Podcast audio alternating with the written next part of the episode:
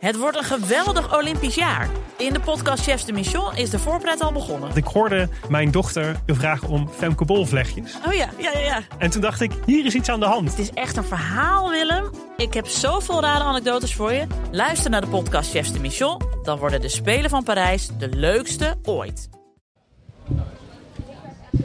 Wat is de moeilijkheid bij het buikschuiven? Moeilijkheid? Ja, Nou ja, je moet, eh, je moet je armen goed breed houden. Dat breed? Je, ja, moet, moet je zo, echt- hoe moet je schuiven? Zo Nee, of zo zo? niet. Echt gewoon je armen breed Zo. maken. Ja? Dat je niet uit balans gaat raken door die wind, door Oh. de supporters, door het gejuich. Ja? Dus je blijft gewoon met je armen breed. Dus armen wijd, dat is het verhaal. Ja, je doet het prima. Armen wijd. Armen wijd. Wat, en als je zo duikt dan, wat dan? Wat is het probleem Zo dan? duik je het water in. Nee. Je, moet, je moet over het gras duik je zo. Oh. In het water ga je zo, Oh, maar over het gras duik je zo. oké, goed. Nou, eh, luister, ik wil hem gewoon even zien, die, eh, die buikschuiver. Eh, ik loop even daar naartoe. En als ik het teken geef, dan kom je gewoon naar mij toe, hè? Prima. Oké? Nou, daar gaan we dan. Ja, ik ben klaar voor zonne. Ja. Oh, dat is hem. Nou, ik vond hem, ik vond hem niet slecht. Ik vond hem niet slecht. Je wil de bordjes zien? Ik ben benieuwd. Ik geef hiervoor een 5,7. Dat is heel hoog. Ja, Ik ben er heel blij mee. nee, ik vond hem mooi. Maar je blesseert je nooit, je kan nooit op je, op je kin vallen of zo. Nee, nee, nee. Het kan Ik moet zeggen, jullie zijn ook echt creatief. Gegenpressing podcast. Ik heb dat woord nog nooit gehoord. Korte.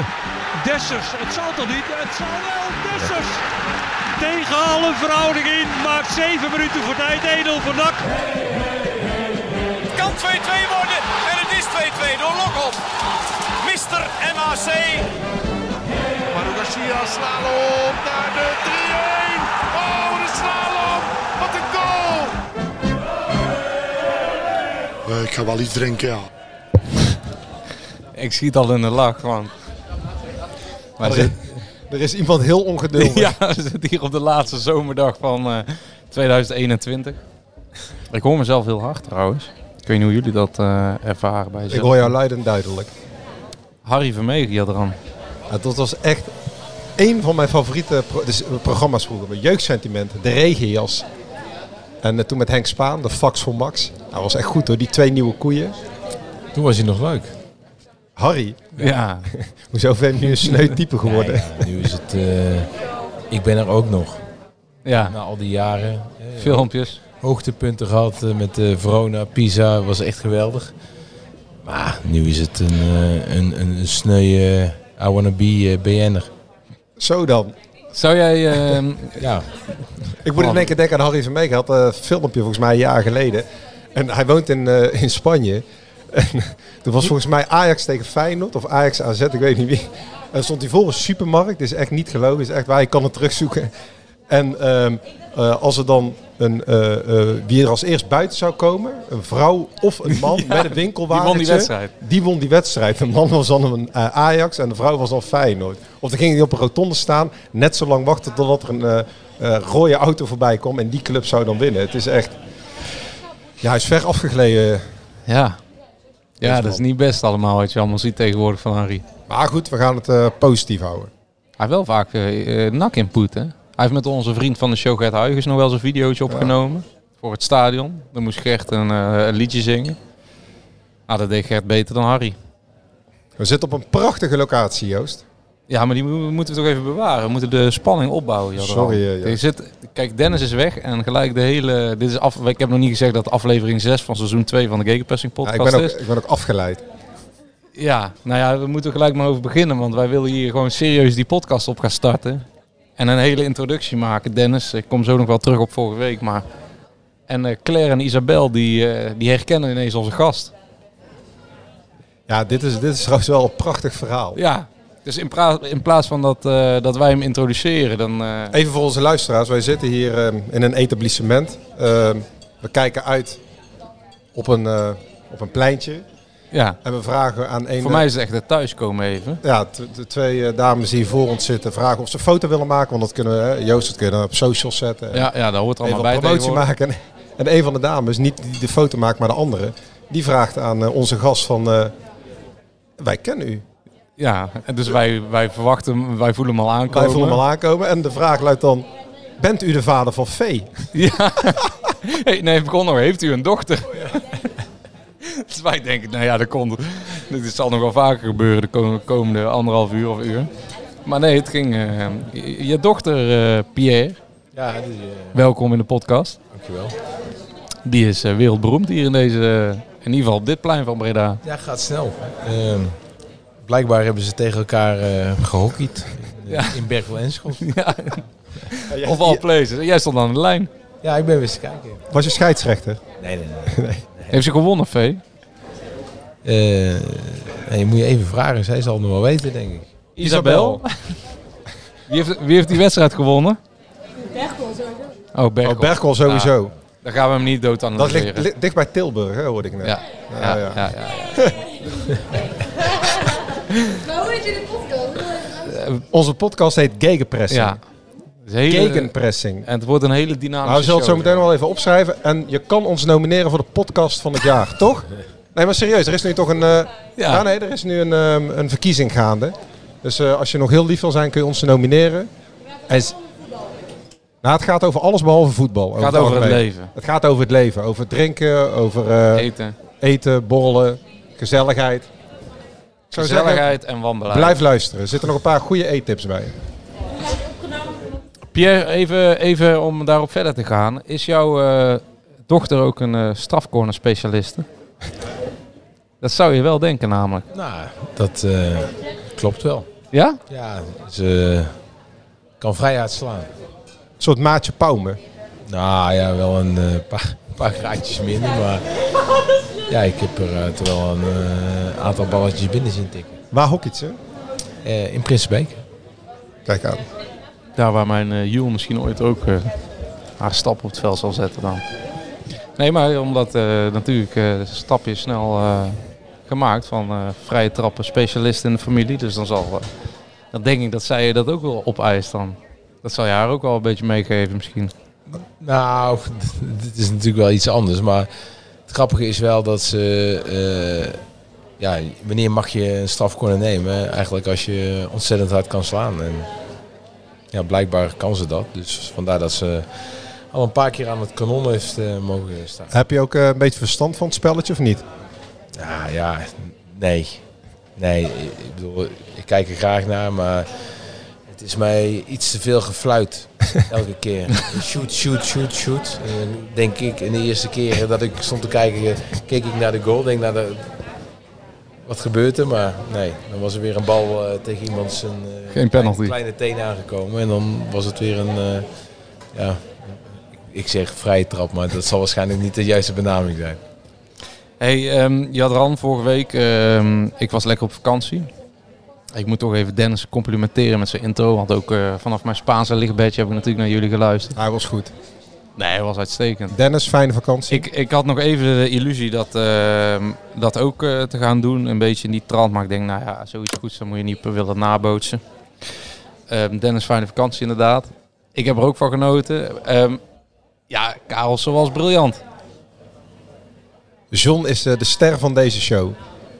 Ja, dat denk ik ook. Ja, niet om het een of andere. Ik luister daarna. Jullie hadden het ook een beetje over. Maar ik weet niet hoe Pierre erover denkt. Die kent eh, John natuurlijk uitstekend. Maar John, die hoort gewoon binnen de organisatie van NAC te werken. Nou, dat, dat vind ik ook. Ik vind sowieso dat eh, je een paar iconen hebt eh, binnen de club. En daar is John er zeker één van. En eh John is outspoken. Dat betekent ook dat, je, dat hij vaak bij mensen op de tenen kan gaan staan. Het, is, het is bij John eh, zwart of wit. Eh, grijs bestaat niet. Maar hij is wel duidelijk en eerlijk.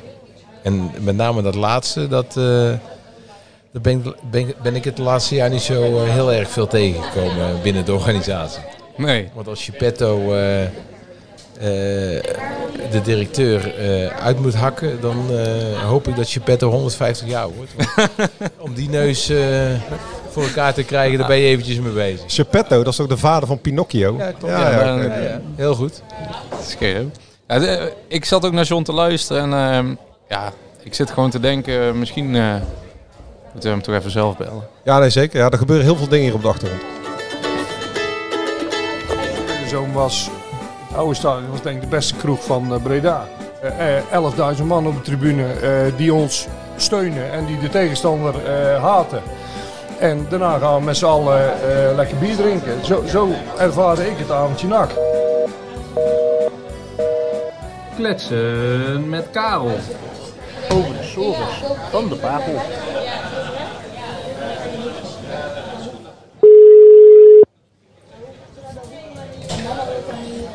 Zo.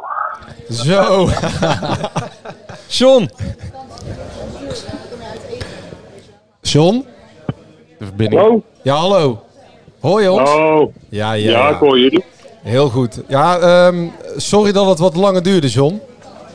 Ja, ik zag het wel, waarom het zo lang duurde. John, wat, wat staat er bij jou op tafel vanavond? Want ik hoorde dat jouw eh, maaltijd bijna geserveerd gaat worden. Woensdag is, woensdag is, nee, woensdag is frietdag, hè? en haal jij die of eh, maken jullie die zelf? Nou, die doen, dat doen we zelf. Oh, vers gebakken frietjes. Ja, wel uit de zak, hè? Hey, maar... maar wat ik me afvraag... Hoe is het? Ja, goed, maar wat ik me afvraag... eh, want bij Epte, ja, we zouden eigenlijk eh, om half vijf eh, bellen. Nou, het is nu tien voor half zes. We zijn 50 minuten te laat. Waarvoor sorry. Maar Ja. Waarom eet jij zo Dat vroeg? heb je, dat heb je met een, eh, met, met, met een Spaanse regelaar, heb je dat, hè? Ja, nee, de Spaanse Bredana, dat is eh, standaard een uur te laat. maar hoezo eet jij om half zes al, joh? Dat zijn echt eh, ouderwetse tijden. Nou ja, misschien omdat ik dan honger heb. Dan, dan eet jij van, vanaf 12 tot eh 8. Oh, iets zeg. Zat, zat, zat er een kaasplankje op tafel, of niet? Nee, nee, nee, nog niet. Nou, Haalt er wel zin in, eh, John. Er zijn wel een paar... Nou. Er is een schaaltje oes- oesters en een schaaltje pata negra gearriveerd. Ja, ja, ja. En ik kreeg niks vorige week bij de fazant. Ik kreeg niks. Hè? Ik zat gewoon eh, met een bak, voor mijn neus. En nou, oesters en, eh, en allemaal tapas. Ja, dat is het verschil. John, even over afgelopen zondag. Heb je genoten? Waarvan? Wat bedoel je? Nou, van Max. Jij bent toch een Formule 1-fan? Oh, ja, nee, ja, Superman. Echt geweldig. Echt, eh, maar drie dagen wel, hoor, want... eh, Nog, Ja, dus je geniet nog iets, steeds eh, dan? Ja, ik vond het wel iets heel speciaals. Ik heb echt eh, die drie dagen alles op de voet gevolgd. En eh, alle programma's, weet je niet, met Doornbos en uh, Campus en zo gekeken. En ja, ik zat er goed in, moet ik zeggen. Ik vond het echt eh, geweldig. John, liet jij een... Dan eh, dan meen je toch niet, man? je, je hebt toch niet... Ja, serieus? Ja, ik ben echt- Al die uren gewoon...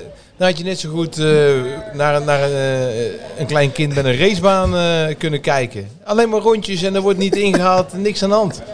Wat vind je Nou, er nou leuk aan?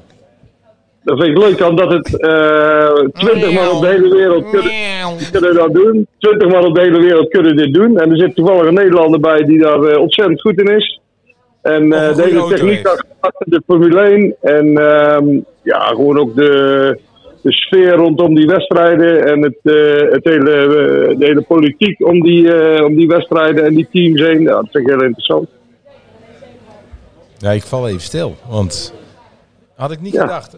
Ja, dat, ben- dat heeft Max dan weer niet, heb je. Jullie, jullie kennen elkaar al zo lang, maar jij wist dus niet dat John een Nou, ja, je- Formule 1-fan was. Nee, weet je waarom niet? Dat vroeger eh, had John een, een tijdje verkering en dat meisje woonde in Halsteren. En ik woonde in Steenbergen. Dus wat, het leek ons een goed idee om dan samen te rijden naar de training van NAC. En nu zit ik blijkbaar met, met eh, de grootste fan van Max Verstappen te praten. maar John haalde mij met 1,93 meter en John een dikke 1,90 meter en anderhalve meter breed haalde mij op als het zijn beurt was.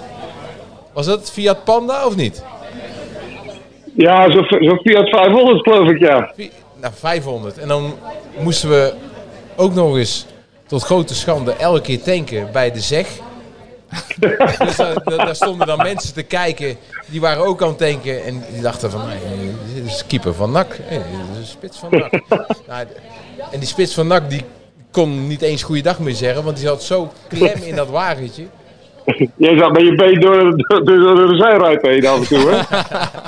Ja, en één ding is zeker, we zijn nooit geflitst als Karel aan het rijden Nee. was. Ja, we zijn Nee. misschien een keer geflitst omdat je te zacht reed. Ja, die kan wel weten. Ja, 75 ja over, kijk, de, over de snelweg. En dat is nu dat was toen dat verschil. Dat was toen al het verschil. Hè? Ik reed toen in een, eh, een Opeltje Cadet en eh, Pierre die had een Opel Calibra. Ja, dat was het verschil natuurlijk. Hè? Ja, ja, alleen Hij in een eh, sportauto en ik in een... Ik betaalde 500 voor en jij 5. Dus ik denk dat, Ja. jij, dat jij slimmer was. ach ja, dat hebben we plezier gehad toch? Hey John, heb jij eh, voor, vorige week nog wat reacties gehad op jou eh, op de podcast? Want ik heb vanaf de, ik zat eh, lekker in Spanje op mijn lichtbedje naar jullie te luisteren. En ik dacht, nou die heeft de, de ochtend daarna een aanbieding van NAC binnen. Nee, wat ik... ja, de reacties, dat interesseert me ook niet zo, moet ik zeggen. Want ik zit hier niet voor de reacties. Ik zit er omdat ik gewoon iets te melden heb. En het leuk vind om dat te doen. En wat iedereen ervan vindt, dat eh, maakt echt geen bal uit hoor. Of het nou leuk is of niet leuk. Ik, eh, ja, ik zeg gewoon wat ik vind. Als jullie Ja. een onderwerp aansnijden, dan, eh, dan zeg ik dat. Maar ik, vond, ik vond zelf... eigenlijk was het de beste uitzending ooit. Als we eerlijk zijn. Ja, Dat zal niet, het zal niet meer overtroffen worden als jullie gasten nu zie. eh. Ja, ik kan er wel in meegaan. John, wil je nog iets kwijt over de actualiteit, over ehm, ons NAC en project 076? Of zeg je van, eh, die laat ik even gaan? Eh, het verkoopproces. nou, nou ja, ik ben eh, nog steeds benieuwd. Eh, nogmaals, ik hoop eh, dat het in handen valt eh, van een club die snapt hoe NAC in elkaar zit en eh, wat de supporters verwachten. En ehm, ik hoop dat ja, een beetje de oude NAC-nostalgie weer een beetje hersteld wordt. Want dat is toch wel een beetje, een beetje zoek de laatste nou, tien jaar. Ja. laat het zo zeggen. Dus het is niet om. ehm, kijk, het gaat erom natuurlijk dat je, dat je eh, terug naar de Eredivisie gaat. Dat is, dat is ontzettend belangrijk. Maar ook wel dat het weer eh, dat nak weer nak wordt. En daarom is misschien eh, jammer dat dat eh, 076, eh, project 076, dat dat er nu schijnbaar uit ligt. Ik weet niet of dat zo is, maar schijnbaar wel. Nou, wat in de krant staat mag je gewoon eh, geloven, John. Nou, daar heb ik wel eens mijn twijfels over. eh. nee, kijk, ik geloof jou. Maar ehm, eh, ja, het moet wel een partij worden die snapt hoe het werkt bij NAC. En eh, je hebt goede voorbeelden, hè? want er is bijvoorbeeld bij Leicester is er ook een eh, eigenaar gekomen. En sinds dat hij er is, hebben ze alleen maar succes. Ja, Ja, maar die, die is verongelukt, eh, John. Die Ja, eigenaar. maar zijn zoon doet het nu, hè? Oh, Zijn zoon doet het nu, hè? Ja, dat is een Thaise die, eigenaar. Hebben ze wel iedere dag lekker partij. Ja, jij denkt er aan weten natuurlijk. Maar kijk, die, die hebben wel de titel gewonnen en vorig jaar wonnen ze de beker. Dus eh dit is wel succes. eh, maar, maar je, je- hebt ook een, eh, een Chinees bij ADO rondlopen. Ja, Ja, dat is het. eh, eh, En je had ook zo gek bij Cardiff City. Die kwam binnen, volgens mij ook uit China. En die veranderde de clubkleuren, het logo en, eh, en bijna de clubnaam ook nog. Dus dat, Ja, is, dat maar is natuurlijk eh, ook niet wat je wil. Nee, maar dat is ook vastgelegd bij NAC het Ja, gouden aandeel. Gouden aandeel, klopt. Ja, ja. Oké John, nou ik zou zeggen smakelijk eten zo Oh, meteen je ja, dat, was hem alweer. Dat Oh, was nee. hem alweer. Ja, of heb je... Had je nog wat te ja, melden, John? er- Was er nog wat te er zit melden? nu- Er zit, nu, er zit natuurlijk nu een, eh, een, een, een topgast en dan kan ik weer eh opzouten, denk ik. Hè? Nou, ik zal je zeggen, Ja, deze heeft nooit in de Premier League gespeeld, John. de, hier, Oh, oh, oh, oh, hier, oh, hier aan tafel... Oké, oké, klassiekers. Nottingham, ja, eh, John, jij weet dat hier aan tafel de kwade genius van Breda zit. Hè? De man die aan alle touwtjes trekt hier. Hè? Dus we, wij zijn natuurlijk, Ja, ook, wij ja. zijn natuurlijk ook een soort van bevreesd. De parasiet Ja, van West-Brabant. Ja, dan moet je vooruit, dan moet je vooruit kijken, jongen, voor die gozer. Levensgevaarlijk. Het schijnt erger te zijn dan Levensgevaarlijk. corona. Ja, levensgevaarlijk is die. Dus kijk uit, jongen. Uitkijken wat je zegt, want... eh, Eh, We houden afstand, eh, Maar Karel, misschien Ja, bellen we wel eventjes terug eh, als je klaar bent met eten. Om half elf. Nou, dat is vrij vroeg dan, eh half elf. Dat ga ik niet redden, denk ik. Hey John, hartstikke bedankt weer. Smakelijk, smakelijk eten. Ja, Smakelijk Karel, eten. Doei doei. Hoi. Eh, hoi, hoi. Hoi, hoi. Ja, dit was eh, fenomenaal. En wie zagen we net voorbij lopen? Ja, dit, dit kan bijna niet. Nee, maar is ik heb, ge- is ik heb de dames, eh, die hebben niet opgelet. Nee, jullie- ze hebben niet opgelet, nee. Want wie liep er net voorbij? De dochter van. De dochter van. Vedi liep hier net voorbij. Ja. Ja, die stond hier te zwaaien. En, eh, Voor mij zit ze hier aan de rechterkant. dus ik zie er hier in mijn ooghoek eh, daar rechts achter zitten. Maar misschien dat ik een hockeystick eh, erbij moet zetten. dat je ze wel herkent. Wel die dans. Hey, eh, Jadran, even. Ja, jij, vroeg het net, jij vroeg het net al aan, eh, aan John. Maar eh, voordat wij eh, met Pierre verder de diepte ingaan. eh ik zit eh, lekker, lekker in de Spaanse eh, zon. Ik had mijn eh, Twitter-account verwijderd. Lekker boekje gelezen. ehm, maar ik, ik scroll natuurlijk elke dag dan even eh, langs BN de Stem om te kijken wat jij te melden hebt. Heel verstandig, heel wat jij net al zei, wat jij schrijft, dat klopt. Tot achter de komma. Tot achter de komma. Maar, maar hoe zit het met, die overna met dat overnameverhaal? Want ik zag een hoop verontwaardiging op, op de fansites eh Ja, dat, eh, dat ons NAC het niet is geworden. Tenminste, tot op Ja, heden. ja, ja, ja, er is altijd nog een maar en een uitweg met Ja. Stichting NOAD. Advendo-combinatie moeten we helemaal goed uitspreken, want zij hebben het gouden aandeel. Ehm, maar ja, er zijn dus... Ja, eigenlijk is er niet zo heel veel nieuws te melden. Buiten het feit dat er van de 36 aanmeldingen bij dat Rotterdamse bureau Crossmines die het verkoopproces behandelt, dat er nog vijf over zijn. En daar zit dus niet ons NAC bij, omdat... Ja, we hebben dat langs meerdere kanalen en ook veelvuldig gecheckt. Ehm, onze NAC zegt dat eh, ja, de één zin uit is gehaald. Ja, ons stel dat, dat het geboden bedrag voor, om de aandelen over te nemen, om de aandeelhouders uit te kopen, 1,5 miljoen euro is. En dat dat tot verontwaardiging heeft geleid bij vrijwel alle aandeelhouders. Die vonden dat een beledigend bod. Nou, die waren ooit 12 miljoen waard en ze zetten in op 5 miljoen ongeveer, wordt mij verteld. Ehm, en ze willen dat de nieuwe koper ook nog een zak met geld meeneemt, zodat ze ieder jaar nog een substantieel bedrag, en dan heb je het sowieso over eh, een bedrag, uh, moet ik het even goed zeggen, met eh, een miljoen of, meer, hè, eh, Mhm. eh, vijf nullen. Wat de huidige aandeelhouders Ja, zes eh, nullen, sorry. Eh, ja, wat huidige aandeelhouders willen. En ja, ze vonden dat bedrag van onze NAC gewoon eh, te laag. Ja, en dan Eh, zie je natuurlijk houdt veel het- verontwaardigheid, eh, Ja. eh, verontwaardiging, omdat het verhaal is natuurlijk, eh, Ja, dit is heel natuurlijk- goed ge, geplukt ook. Hè, Ja. de socia- via sociale media, via een aantal eh, prominente supporters die, die, die met een bepaalde achterban, ik noem eh, eh, mijn goede vriend Ferry, onder andere die, die, die daarin gekend zijn. Ehm, maar ja, is natuurlijk...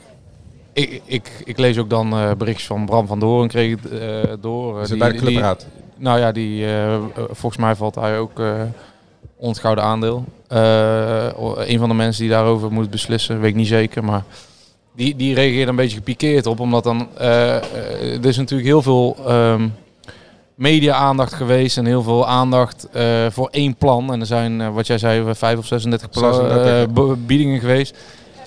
En je merkt gewoon dat daar gewoon veel weerstand tegen ontstaat. Omdat er een bepaalde, omdat er maar vanuit één Ja, goed, aan, de ene kant kan je zeggen dat ons NAC het goed doet, omdat ze de regionale media ja, niet mobiliseren, maar persberichten versturen en de contacten ermee onderhouden. Eh, maar dat heeft er ook mee te maken, omdat ze natuurlijk een beroep willen doen op de supporters. Ja. Dus dan zijn ze ook gebaat bij transparantie naar de achterban. Dus dat begrijp ik wel.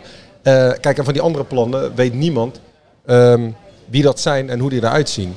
Dus niemand kent de inhoud van die andere plannen. Ook niet van die vijf overgebleven kandidaatkopers. De kleine aandeelhouders weten dat ook niet. Dat weten alleen de grote drie. En ze zijn blijkbaar in gesprek met één Nederlandse externe partij. Er zit blijkbaar ook nog een buitenlandse partij tussen. Ja, dus kijk, wa- wat, je, eh, wat wel duidelijk wordt, dat hebben we ook al voorbij zien komen, dat blijkbaar in Breda, en mensen kijken ook wel eens naar DJ Chesto en DJ Hardwell, blijkbaar is er in Breda niemand die het vermogen heeft of zijn vermogen wil aanwenden om de club over te nemen. Want anders was dat de afgelopen jaren wel gebeurd. En zeker nu tijdens, tij- tij- tijdens Anderhalf de miljoen, miljoen is natuurlijk wel een beetje een raar bedrag. En dan eh, zeggen ze, ja, de liquiditeit is anderhalf miljoen. Of de, Ah, voor de nuance bij ons NAC zeggen ze dat, dat het anderhalf miljoen eh, uit de context is gehaald en dat het een veelomvattende plan is.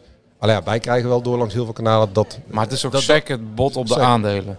En dan hebben Ja, ze nog een plan dat- erbij met een extra... Ja, eh, onze NAC zegt dat het iets anders ligt en dat ze dus ook in verschillende varianten daarvoor hebben en op verschillende manieren betaald kan worden. Oh ja, eh, nogmaals. De Delta variant. Ja. Dus eh, dat moeten we de komende weken eh, ehm, maar ehm, gaan kijken of er nog wat uitlekt. Er zit ook een boeteclausule op, hè, geheimhoudingsplicht van 50.000 euro. Dus dat is niet mals.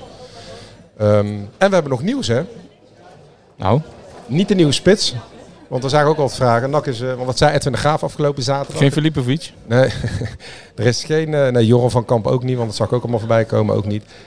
Geen, eh, de, Edwin de Graaf wil een nieuwe spits. En een linker middenvelder, een clubloze middenvelder. Wie dat zijn en of dat nog gaat gebeuren, dat moeten we ook nog maar zien. Maar er is wel nieuws uit het, eh, de interne organisatie bij NAC. Want er gaat iemand NAC verlaten en dat is de commercieel manager. Joris Gieske. Ja? Ja, zeker. Eh er is maar ook al langs verschillende kanalen verteld. Hij is op 1 december officieel begonnen. Nul ervaring in de voetbalwereld. Hè, voornamelijk bij dat eh, beachvolleybal en Snow World en waar het allemaal zat. Eh goede bekende van Matthijs Manders. Matthijs Manders heeft hem eh, op eh, eh, eigen titel binnengehaald. En ehm, de redenen waarom hij weggaat. De een zegt dat ze niet met hem door wil. De ander zegt dat hij een, een nieuwe uitdaging wil. Dat moeten we nog even een beetje achterhalen. Maar het is wel duidelijk uit meerdere kanalen, meerdere bronnen zoals ze dat noemen. Dat hij gaat vertrekken. En als het goed is eh, per 1 december. Dus NAC kan op zoek eh, naar wederom. Want hij was de opvolger van Sander Mijnheimer. Die weer de opvolger was Mhm. van Eek Matthijs. Op zoek naar een nieuwe commercieel manager. En de vraag werpt zich natuurlijk op. Ehm, ja, wat heeft Joris Gieske eigenlijk betekend voor NAC? En ja, als je het een beetje rondvraagt, dan heeft hij de club meer gekost met zijn salaris dan dat hij de club heeft opgebracht. Ehm, Ja. Dat is natuurlijk wel pijnlijk voor de algemeen directeur, die hem zelf heeft binnengehaald. En daarbij, ehm, ja, sponsoren. nou goed, hier aan tafel hier spreken wij ook wel eens verschillende sponsoren. Die waren al vrij snel klaar met ja, hoe Gieske de sponsoren zelf benaderde. Hij was meer over zichzelf aan het kletsen dan dat hij eh, bezig was met Nou ja, daar zat wel, Heeft hij eh, wel een eh, sponsor binnengebracht? Ja, dat, dat is ook de vraag. Want wat ik begreep is dat eh, ook gewoon nul. Ja, nul. En Dat is niet veel, hè? Ja, want daar werd aangetro aangetrokken voor de grote partijen. Hè? Vooral van buiten de regio of grote, grote merken. Maar Joost, NAC is een, is een regionale club. Ja. Met een grote achterban, een regionale club. En dan zit je in een heel moeilijk, kom je uit een heel moeilijk coronajaar. En dan besluit je, want hoe, hoe haal je het in je hersenen? Dan besluit je om een commerciële directeur aan te stellen die uit Wassenaar komt. Die nul affiniteit heeft met de regio Breda. En hier zitten een heleboel sponsoren. Die hebben niks met hem. Helemaal niks. En dat, zul, dat gaan ze nu, Ah. nu zeker niet meer krijgen. Ik weet van eh, sponsoren die hoog in de boom zitten, die hebben zelfs bij Manders al een tijdje terug eh, aangegeven dat ze van hem af wilden. Dat ze gewoon niet meer met hem wilden praten, met de commercieel manager van NAC, met Joris Gieske. Dus dat geeft wel aan hoe gebrouilleerd die eh, verhouding was tussen de commercieel manager. Nou ja, ik heb zelf En, in eh, mijn eh, omgeving en- ook sponsoren zitten die, gewoon, eh, die er ook klaar mee waren. En Dus- we hebben ook het persbericht van NAC gezien eh, met Vrolijk, eh, dat hij sp- rugsponsor van NAC werd. Dat is ook eh, mede mogelijk gemaakt door Marco van Dijnzen en, en niet door Joris Gieske. dus ja, Voornamelijk door Marco. ja, door Marco. Ja, gewoon door. Dus dat was eh, een beetje het. eh, nou, dat zal het een petje nieuws. morgen in de radio-uitzending van de Breda Nu voor het laatst zijn rubriekje kunnen starten. Ja. Is Joris Gieske al weg, was zijn, eh, zijn rubriekje. Ja, misschien dat hij eerder gaat, maar mij is verteld eh, vanaf 1 december. Maar misschien dat hij nog een paar vakantiedagen opneemt, die weet. Het waren een paar mooie maanden. Ja. Hey, ehm Jadran, even paar de bitterballen actualiteit liggen. Hoe- eh, de dagen bitterballen? Ik heb nog niet geproefd. Of, Maar jij hebt er jij meteen op, even? hè? Garnalenbitterballen. Oh, ga nou. Oh, ja, ja, ja, dat vind ik wel lekker. Nou, dan begin ik even. Als jij even onze gast introduceert hier. Moet ik onze gast Nou, introduceren? gewoon even gewoon, Doe het eh, wel een een mooi opzetje maken. Doe het lang, dan pak ik ook eentje. Nou Ja, dit, we zitten hier dus aan tafel met een man, eigenlijk eh, ook een soort van fantoom, hè? Die eh, onzichtbaar volgens eh, heel veel mensen aan alle touwtjes trekt en eh, alle geledingen binnen en rondom NAC weet te mobiliseren. Van, eh, vanuit de pers tot aan eh, de technisch directeur die vertrokken is, tot aan oud NAC. En, Maar je kan deze week de tv niet aanzetten of hij zit er. Hij zei, nou, daar wou ik eigenlijk over hebben. Vandaag Hij was hij een dagje vrij en hij zocht de media op om bij ons aan te schuiven. Juist. Hij zat gisteren in de Amsterdam Arena. En we hebben natuurlijk allemaal genoten. We zijn blij dat Oranje een goede stap heeft gezet naar het WK. Ehm, en een paar uur later, nou, een halve dag later, zit hij hier. We zitten in... Brasserie Bardot. Ik mag, de wijnbar. ik mag wel zeggen, ehm, mijn favoriete tent. Ik, ik misschien heb- wel het beste, te- beste eetentje van Breda. Ik heb hier eh, vijf en een half jaar eh, recht boven deze wijnbar gewoond. Tot vorig jaar. Met dank aan de gastvrijheid van gastvrouw Petra. Ja, die verzorgt ons echt uitstekend. Ja, en ehm, zitten we hier met Pierre van Hooydonk. De afspraak stond al een tijdje.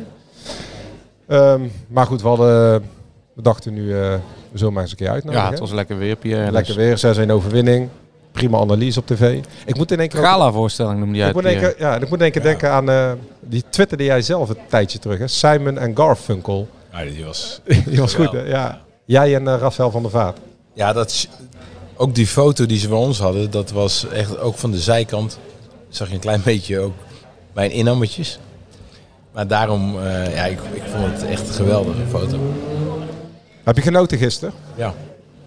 Ja, sinds een hele lange tijd eigenlijk weer is dat je, dat je denkt van wow, dit is, dit is het Nederlandse elftal. Waar zat dat hem in?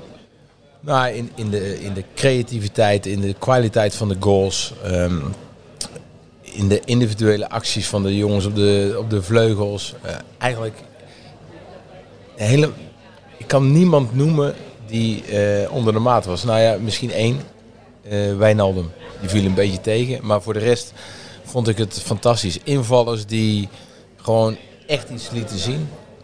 Dus, ja, En er stond iets op het spel, dat speelt ook mee natuurlijk. Zeker, maar kijk, eh, Turkije, nu is het dan maar, ja, het was maar Turkije, ja, oké, maar het was ook maar Tsjechië. En eh, daar ben je er ook eh, tegen vanaf gegaan. En ditzelfde Turkije heeft je ook gewoon 4-2 klop gegeven. Ehm, een paar maanden geleden Ja. in, in Istanbul. Dus eh, de manier, de uitvoering eh, vond ik fantastisch. En, en ja, Als ik nou eh, gisteren naar jullie zat te kijken, ik eh, schakelde mooi in toen ik net thuis kwam, s'avonds laat. ehm, jullie, jij en eh Rafael, jullie hebben een bepaalde chemie natuurlijk. Jullie kunnen ook lekker Tom eh, echt best eh, af en toe even onder de huid eh, kruipen. Maar op het moment dat, eh, jullie kijken echt uit naar het moment dat eh, volgens mij dat Louis van Gaal voor de microfoon gaat staan dan. Hè? Ja, ik denk dat we dat in Nederland eigenlijk allemaal toch wel hebben. Ja. Omdat je gewoon weet van ja, dit is, het is iemand die over een, op een koord loopt. En kan er aan de ene kant links afvallen en dan wordt hij hotel, wordt hij arrogant. En aan de andere kant ook. En dan, dan is hij eigenlijk een, eh, een, een lieve opa met goede teksten. Ja. Nou, en, en ja, zo zit ik daarnaar te kijken. En Ah, die, die beelden dat hij gisteren naar Jeroen Stekelenburg toe liep over het veld, dat was... eh, ja, Kei- keizer. Ja, hij, hij, hij liep met de borst vooruit, met een grote lach op zijn gezicht. ehm, te zwaaien naar de laatste mensen die er nog zaten. Hij, hij pakte er echt heel rustig zijn moment voor. Ja, dat straalde echt iets uit. Zien jullie lobby ook dan? Of eh, eh, werkt dat niet zo? Nee, nee wij zitten. eh, eh, wij doen de analyse vanuit de Koninklijke Loge. Eh, Zo dan, de ja, Koninklijke dat klinkt Loge. Heel, heel zwaar, maar dat, eh, ja, dat is de, de middelste eh, grote skybox eh, in de Amsterdam Arena, Johan Cruijff Arena. En eigenlijk daar blijven wij tot, eh, tot het einde. Dus wij hebben geen direct contact met spelers eh, en of trainers. En dat vind ik eigenlijk ook alleen maar beter. Voor je onafhankelijkheid sowieso Ja, beter, zeker. toch? Ja, want ja, als je, je zit nu bij ons aan tafel, Pierre. Ik heb eh, Jadran even gebeld eh, vanmiddag nog om eh, even alles door te bespreken. En dan gingen we ook even jouw, eigenlijk jouw carrière doornemen. Jadran, jij zei WK 98, hè, want we hebben nu over Oranje, over de analyse. Jij zei, ik kan al die wedstrijden kan ik gewoon letterlijk uitschrijven. Maar dat is niet om hij dat hier, hier zit, maar dat is de WK waarvan ik... Noem mij het stadion, de wedstrijd, Jamaica, Argentinië. eh, ik noem het stadion, eh, Parijs, het doelpunten maken, drie goals, Batistoe. Ik weet niet wat het is. Iedereen heeft het wel, zoals één WK. Ja. En dan weet je gewoon alles van. En dat heb ik met het WK achter. Nee, en ik vond dat WK ook... eh, Nederland het beste voetbalspeler wat ik eh, ooit heb gezien. Laten we zeggen in de jaren 90 of eh, in de jaren 10 of in de jaren Ja. 0. Dat was echt fantastisch. Ik heb echt genoten. het is mijn eerste voetbalherinnering. Die wedstrijd dat- tegen Korea. Dat, eh, Pierre, jij maakt daar een doelpunt. De 4-0 geloof ik. Jij valt in en een minuut later heb je hem, eh, heb je hem hangen. Maar, maar, maar dat is wel echt... eh, die lichting is wel echt eh, ja, een soort van iconische groep geworden achteraf. Hè. Hoe, hoe, als jij daar nou zelf zit en als jij dat eh, jaren later eh, terug bedenkt. Want ik denk iedereen in Nederland heeft dat, heeft dat WK bijvoorbeeld op zijn netvlies staan. was super bijzonder WK, omdat Nederland gewoon echt goed was. Hoe, hoe kijk je daar nou zelf? eh, denk je zelf ook wel eens van, eh, nou, daar hebben wij eh, bijvoorbeeld die junior, Ba- Baja- hoe heet die, Bajano, die trok jou neer eh, in de verlenging, denk Ah, je ik? shirtje, hè? Ja, dat was, eh, toen had je nog geen VAR. Schrik je daar wel eens wakker van, Pierre? Nee, nee, nee, want eh, ja, ja, ik zou daar wel wakker van schrikken als het nu zou gebeuren met VAR. Weet je nog wie de scheidsrechter was eigenlijk toen? Eh, hij kwam uit de Verenigde Arabische, Arabische Emiraten. Ja, ik heb hem hier, ik heb hem hier voor me staan. Ali Bouissaim. Ja. Grote naam. Zou kunnen. Thierry Henry, die, eh, dat is ook wel een bekende uitspraak van hem. Die zei dat hij ook veel banger was voor het Nederlandse elftal. En dat ze in de Franse kleedkamer stonden te juichen. eh, toen Brazilië na strafschoppen voor jullie hadden gewonnen. Voelden jullie dat zelf ook zo? dat dat het WK was geweest. Ehm, die eigenlijk voor jullie was. Dat jullie eigenlijk nog beter waren dan op het EK in 2000. Nee, dat waren we zeker. Ehm, ik denk dat het de teleurstelling, het feit dat je als, als team zelf weet van nee, wij, wij zouden dit toernooi kunnen gaan winnen. Dat eigenlijk de teleurstelling daarvan zichtbaar was in de wedstrijd om de derde en vierde plaats. Bij Kroatië. Ja, dat, dat was eh, eigenlijk niets wat we daarvoor wel hadden laten zien.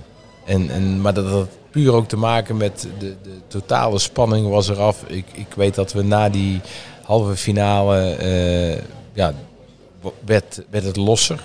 Hè, de, de, het regime van, of regime van Hiddink, dat was niet echt een regime, maar de regels. Eh, we mochten Monaco in en ja, daar maakte ja, best een grote groep jongens maakte daar gebruik van. Ehm, in de aanloop naar die derde, vierde plaats. Omdat dat voor ons een, een, een wedstrijd eh, voor de katse viool was. Dat, dat had geen inhoud. Achteraf heb je er, of eh, hebben wij daar spijt van. Want ja, uiteindelijk sta je daar, had je daar ook weer met een medaille kunnen staan. Zoals in 2014 bedoel je? Ja, zeker. Is die halve finale in Marseille tegen Brazilië het hoogtepunt in jouw eh, loopbaan? Vanwege Nee, nee, want eh, we verloren. En Maar ook niet omdat je in de halve finale op een toernooi staat. Het grootste Nou ja, voetbaltoernooi wat er is. Die WK, dat hele WK, dat is eh, ja, het hoogtepunt van mijn internationale loopbaan. Eh, puur omdat je ook onderdeel bent van een, een... Je bent geen onderdeel van de Faroe-eilanden. Je bent onderdeel van, van een, een elftal wat echt favoriet is om wereldkampioen te worden. Nou ja, dat, dat, dat vind ik nogal wat. En dat, dat ik daar eh, geboren eh, uit de Welberg en, en op 18e nog bij een zondag vierde klasse voetballend eh, onderdeel van uit heb mogen maken. Ja, dat, dat, daar ben ik enorm trots op. Nou, achter Bergkamp Kluivert. In de bloei van hun leven destijds. Ja, ik, ik had daar wel gewoon een vaste rol. Ik had het geluk van de ene kant dat ik net na de EK 96, toen er gespeeld moest worden tegen Wales, en bijna alle spitsen, zelfs René Eikelkamp, ziek, zwak of misselijk waren, eh, dat ik werd opgeroepen. En uiteindelijk komen we daar 1-0 achter. Eh Hiddink laat mij invallen en, en binnen vijf minuten heb ik twee goals gemaakt. En uiteindelijk winnen we die wedstrijd met 3-1. En dat was voor Hiddink ook wel eh, zoiets als: oké, jij bent geen basis, maar als pinzitter, als jij gewoon je dingetje blijft doen bij je club, ga jij mee naar het eh, WK in Frankrijk. Hoe, hoe ervaar je zo'n toernooi eigenlijk? Hè? Want eh, ik denk sowieso dat spelen voor Nederland zelf al bij dat is het summum in jouw eh, in een loopbaan denk ik. Dat is het hoogste wat je kan bereiken denk ik als voetballer in Nederland, omdat je voor het topland speelt natuurlijk. Maar hoe zo'n toernooi? Jullie zaten op een hotel in Monaco, zeg, zeg je. Hoe, hoe ziet zo'n dag eruit als je bijvoorbeeld niet speelt? Aan het zwembadje liggen of? eh, als je niet speelt is het eigenlijk iets minder leuk. Omdat je eh, op het moment dat de andere spelers rust krijgen, vrij krijgen, dan moet jij trainen. Dan moet jij, want dat gebeurt meestal dag na de wedstrijd. Eh, bij NAC afgelopen jaar drie dagen na de wedstrijd. Of de, de, de eerste drie dagen na de wedstrijd. Maar ja, dan moet je een extra inspanning leveren. Dus het relaxte, echt gewoon lekker naar beneden gaan in Monaco. En daar eh, aan het strand liggen of op een jetskietje eh, wat heen en weer varen. Ja, dat was er voor ons niet altijd bij. Nee. Maar de hele entourage daar, eh, dat was ja, het aller, allermooiste wat ik ooit heb meegemaakt. Maar ik genoot daar nog extra van. Dat ik eigenlijk ook een soort fan was die zich in dat elftal had geknopt op een bepaalde positie. En enorm kon genieten van, van wat Bergkamp tijdens trainingen deed of tijdens wedstrijden. eh Kluivert. Eh, Ik volgde sowieso alles. Dus ik was continu aan het zoeken, speuren van hoe eh, gaan deze jongens nu echt het aller, aller, aller, allerhoogste niveau. Hoe gaan die naar een wedstrijd toeleven? Wat doen ze? Wat is hun voorbereiding? Ik heb het hele toernooi eh, op de kamer geslapen samen met, eh met Arthur Numan. Ah, eh, goede vriend van me geworden. Ook mede door, door de tijd die je samen hebt doorgebracht. Nou, Arthur ging op de dag van de wedstrijd. Op het moment dat we smiddags eigenlijk rust moesten hebben. Ging hij altijd met zijn, met zijn benen tegen de muur aan. Dus met, met, met zijn kont eigenlijk tegen het schot. Ja, En dan met 90 zijn benen- graden. Ja, 90 graden. En, dan zat, ik zei, wat ben je nou aan het doen, joh? Nou ja, ja, vind ik lekker, vind ik lekker. Nou, dan ga je dat ook eens een keer doen. Ja, dat, bij mij werkt het averechts. Maar ja, het was één genot om, eh, om die zes, ma zes weken eigenlijk... eh, Ah, je- als ik dat even zo, eh, als we daar even op doorgaan. ehm, nou, ik wil zeggen, ik, ik kan me een eh, anekdote herinneren dat bijvoorbeeld Peter Remy, eh, iemand met wie jij bij NAC had gespeeld, die was ook enorm trots bijvoorbeeld op jou dat jij daar speelde. Die zou gewoon achterna gereisd daar in eh, Frankrijk. Ja, dat was op een gegeven moment. dat waren eigenlijk in Monaco waren nauwelijks Nederland zelf als supporters. Want onze wedstrijden die waren in Marseille twee keer, in Toulouse.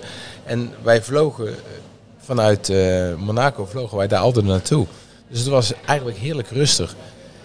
Eh, toen is Peter met nog een paar, eh, paar vrienden die waren wel al op weg naar de wedstrijden. Die zijn speciaal naar Monaco gekomen. Op een middagje dat we vrij waren.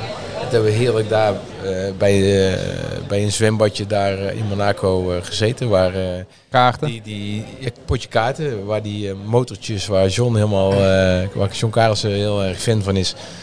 Eén keer in het jaar ook Ja. langskomen. Die Formule 1 autootjes. Ja, die skelters. Ja, het is wel, eh, maar jij zegt, eh, jij zei daarnet, eh heb je een jongen uit Welberg hè, die op zijn 18e amateur was.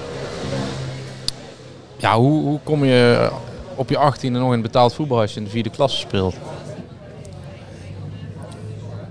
Ik denk dat je sowieso iets uitzonderlijks moet hebben.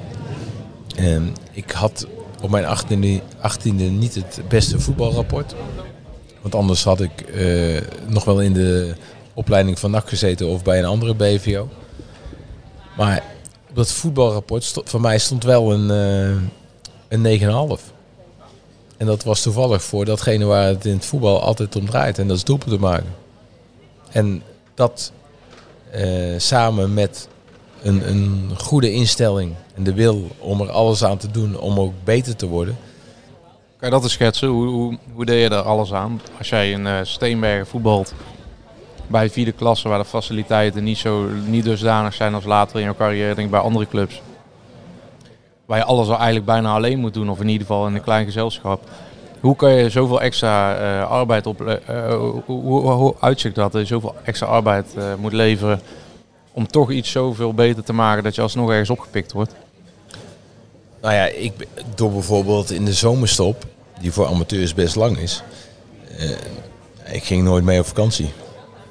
Want dat, dan miste ik ook de eerste twee weken van de voorbereiding.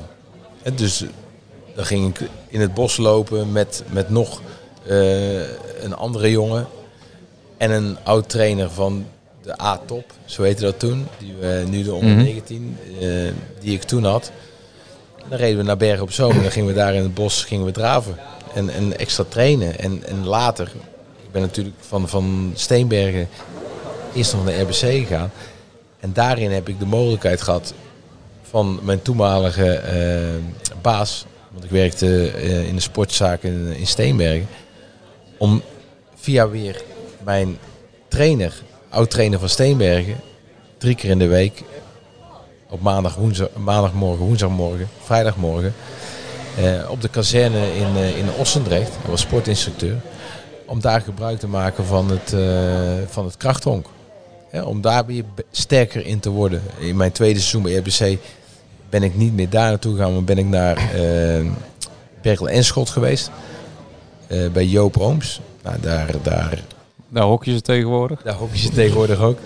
Maar dan had ik eerst een uurtje rekken en strekken met nog twee spelers van RBC. Met eh, ja, de, de huisvrouwen die je op de sportschool door de week ook ziet. En daarna gingen we met, met een aantal tennissers die daar liepen. Eh, Mark Koevermans, eh, Jan Simmerink. eh, gingen we naar de Drunense Duinen. En dan, was het daar lopen, lopen, achterover. tegen een heuvel aan kruipen. Nou, daar ben ik ook echt, heb ik echt, is mijn tank echt wel opgerekt en, ja, en uiteindelijk vergroot. Ja, en dat rechterbeen heb je natuurlijk ook tot in de treur getraind, denk ik. Ja, maar dat zat in eerste instantie natuurlijk, dat, dat kreeg al wel genoeg aandacht. Omdat je continu overal aan het voetballen bent. Ik heb, ik heb op jonge leeftijd, toen ik 15, 16 was, eh, ja, ik, ik voetbalde overal. Ik, voordat ik bij het eerste kwam, ik voetbalde op zaterdag.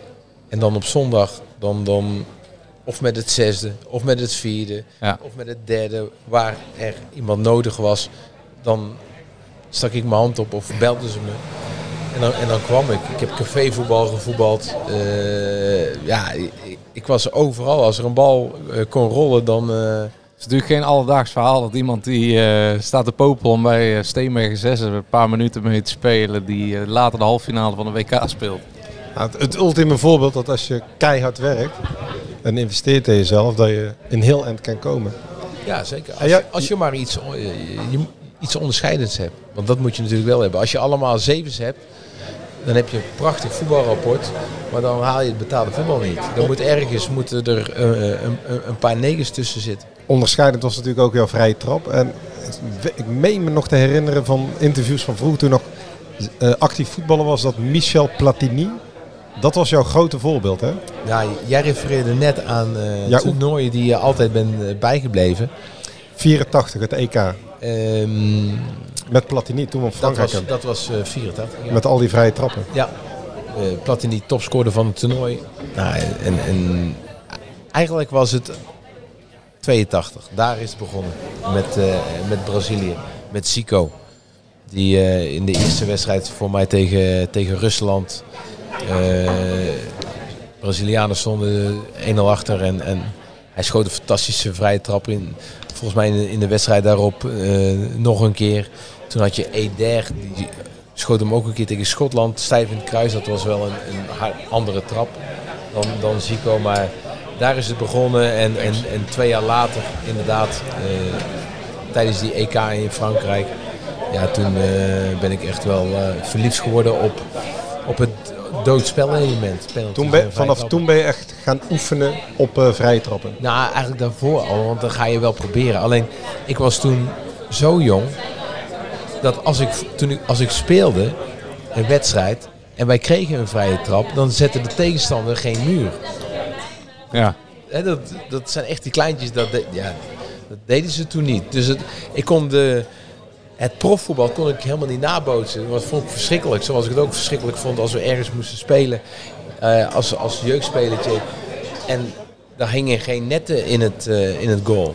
Dus dan speelde je eh, in de eetjes en dan moest je voetballen en dan scoorde je. Ja, moest lag je die bal goal- net zo ver ja. in het weiland als wanneer dat je, dat je naschoot. Ik vond dat geluid als een bal tegen het net kwam iets magisch hebben. Dan Ja. hoorde je dat geritsel, hoorde je dan zo langzaam. Dat kippenvel kreeg er altijd van. Geweldig, geweldig. Ik weet, eh, NVS in Nieuw-Vossemeer, daar speelde ik het liefst. Want die hadden net in de goal. En dan van die diepe netten. Nieuw ook. Vossenmeer, NVS. Ja. Die bestaan nog, hè? Vijfde klasse, denk ik. Ja, ja. Hey, eh, Pierre, ehm, daar kom je op een gegeven moment eh, bij RBC. Dan laten we die stap even open. Maar je komt bij NAC terecht. Ehm, nou, je bent al in de jeugd eh, weggegaan. Nou, weggestuurd toch? Of je Ja? was niet goed genoeg, ja, niet goed genoeg. Maar dat, is, eh, dat hadden ze ook niet verkeerd gezien. Want ik was eh recht, rechter middenvelder daar. En, en daar had je ja, betere rechter middenvelders. Wat, men- wat, 14 toen. wat mensen niet heel vaak weten, maar jij stond op je negen al op de, op de B-side hè, aan de Beatrixstraat. Samen met Johan Gabriels ging je toen, toen toch altijd? Nou, Johan, die, eh, ik ben op mijn elfde bij NAC gaan spelen. En toen ben ik Johan tegengekomen. En dat klikte eigenlijk eh, gelijk. En dan speelden wij met NAC middags. En dan mijn moeder had me gebracht. En dan bleef ik bij Johan. Eh, die bleef ik eten. En dan ging ik s'avonds met, eh, met Johan mee naar NAC. Maar ook met de zoon van Mijn de Dijkstra ben ik... ik was onderdeel van de allereerste NAC Express. Rood-wit eh, je icoon Michel Jaspers toch ook? eh? Michel Jasper speelde ook in het elftal. Weet je nog welke wedstrijd dat was? Allereerste keer dat er een, een NAC, echt een NAC-trein naar een uitwedstrijd ging, was de graafschap uit. En daar zat jij in? Ja, daar was ik bij. Hoe, hoe, hoe vond je dat toen? Dat is ook fantastisch als je zo jong bent. Nou ja, natuurlijk is het geweldig. Maar ook omdat je een van de jongsten bent. Ja. Dus je, je, je kijkt enorm op tegen de ouderen. En, en ja, wat doen die allemaal? En het waren natuurlijk niet allemaal hele nette dingen die er ook gebeurden. Maar je wilde onderdeel zijn van die meute. Die naar, naar, naar, naar een stadion ging. En ik was gewend om naar de Beatrixstraat te gaan met, met mijn vader en vrienden. Nou, dat was geweldig. Maar een uitwedstrijd, dat had iets magisch. Ja, dat voelde heeft je eigenlijk, ondanks dat je in de minderheid was, voelde je, waande je jezelf sterker. Je waren nu zelf een soort van klein legertje. Wat, eh, Ja, absoluut. En dan het mooie van, van het station dan door, door wijken. Nou, de, eh, Doetinchem, de, de Graafschap, Ja. dan heb je een beetje bosachtig. Bos, ja. Dat was helemaal mysterieus, want het was donker. Hè, dus er kon van alles gebeuren en er gebeurde ook wel eens wat. Nou, hoe, hoe komt dan, eh, dan ga je weg bij NAC, maar dan eh, bij RBC, word je, je wordt door RBC opgepikt, dan maak je een hoop doelpunten. Maar hoe, dan komt zo'n, eh, uiteindelijk maak je een transfer naar NAC. Dit komt tot stand. Je hebt daar zelf op de tribune gemaakt, er komt eigenlijk een, nou, toch een droom alsnog, eh, ja, die wordt, eh, komt ter, vervulling. Hoe, hoe komt zoiets tot stand en hoe, ja, hoe, hoe kom je dan thuis eigenlijk? Ik vraag me af, wat, wat, voor gevoel hou je dan over aan zo'n, op het moment dat je, dat je daar tekent? Ik was 21 en ik speelde bij RBC en dat was toen de tijd echt, echt veel belangstelling. Ik kon in de Eredivisie naar Fortuna Sittard, naar Rode JC en, en naar Racing Genk. Eh, Dat was eh, toen de tijd al een satellietclub van, van Rode JC via Nol Hendricks. En ik kon bij, bij deze drie clubs gewoon echt beduidend eh, meer verdienen dan bij NAC. En toen is op een gegeven moment is er, heb ik de vraag gekregen van ja, wat wil je nou zelf eigenlijk? En ja, ik wilde, ik wilde naar NAC. Ik had geen zin om eh, op mijn 21ste eh, naar, het buiten, of naar het buitenland, naar Limburg te gaan. En ik hoor wat ik zeg, want mijn eigen zoon is wel 21. Maar ja, ik was, ik, toen de tijd ging je naar het buitenland of, of ja, echt verhuizen als je Gearriveerde voetballer een was. paar jaartjes ouder was. Nou, en, en ik woonde nog gewoon thuis en dat was veilig en vertrouwd. En, en NAC was voor mij bekend terrein. En ik kon thuis blijven wonen. Dus ik, ik reed, ja... eh, En je doelpunt te maken voor de tribune waar je zelf op had gestaan. ja, dat maakt, en, en dat maakt het zeker speciaal. Maar eigenlijk nog specialer is dat je dat dan doet voor jongens met wie je zelf een paar jaar daarvoor naar die wedstrijden bent geweest. Ja. Hè, Dus die staan nog op hetzelfde plekje. Eh, Kende jij die gasten ook allemaal bij naam? Of tenminste, redelijk wat neem ik aan. Die Ja. achter de hekken stonden in dat oude stadion. Nou ja, ik bedoelde, ik bedoelde eigenlijk op de groep met wie we uit Steenbergen altijd naar Oh, oké. NAC gingen. Eh, en vaak ook met de bus, met de lijnbus, overstappen in Gastel. ja. En dan de afloop heel snel weer 311. bij de Vincent van Gogstraat eh, melden bij de, bij de bushalte. Want ja, anders dan mist hij je trein. Ja, dat, is, eh, dat heeft jouw zoon natuurlijk later ook in kleine maat bij de B-side meegemaakt. Dat daar natuurlijk veel bekenden van hem stonden toen hij scoorde. Ja. Als jij, als jij dan... ehm, nou, ik denk dat je hoogtepunt eh, misschien wel de promotie is in 93. Maar kan jij eens omschrijven wat voor groep dat is? Want wij hebben zelf eh, een keer een podcast opgenomen ter herinnering aan de Beatrixstraat. Eh, nou, dat was een soort van kleine reunie van een, ja, een groep, een soort vriendengroep die met elkaar toevallig heeft gevoetbald. Dat, dat was niet, geen collegiale band. Dat ging verder natuurlijk dan alleen een groep voetballers. Maar kan je eens omschrijven wat voor groep jij eh, terecht kwam met... eh, nou, je hebt met Ton Lokhoff gespeeld, met Peter Remy die toe zaten. Karels hebben we net aan de lijn gehad. Maar nou, John- ben je nog steeds natuurlijk... Want John die zei vorige week ook letterlijk nog van... Ik heb eigenlijk mijn, mijn leven aan NAC te danken. Want hij komt natuurlijk uit Zeeland. Maar als ik de vriendschappen die ik heb opgebouwd... Die heb ik bij NAC opgebouwd in die tijd. En eh, NAC zat toen eh, jaren tachtig, uh, rechterrijtje eerste divisie. En hij voelt ook echt dat ze NAC weer opnieuw hebben opgebouwd. Met, met die generatie waar jij deel van uit hebt gemaakt. Ja, ik denk dat wij allemaal eh, heel erg goed voelen dat ehm, die periode dat het heel erg speciaal was.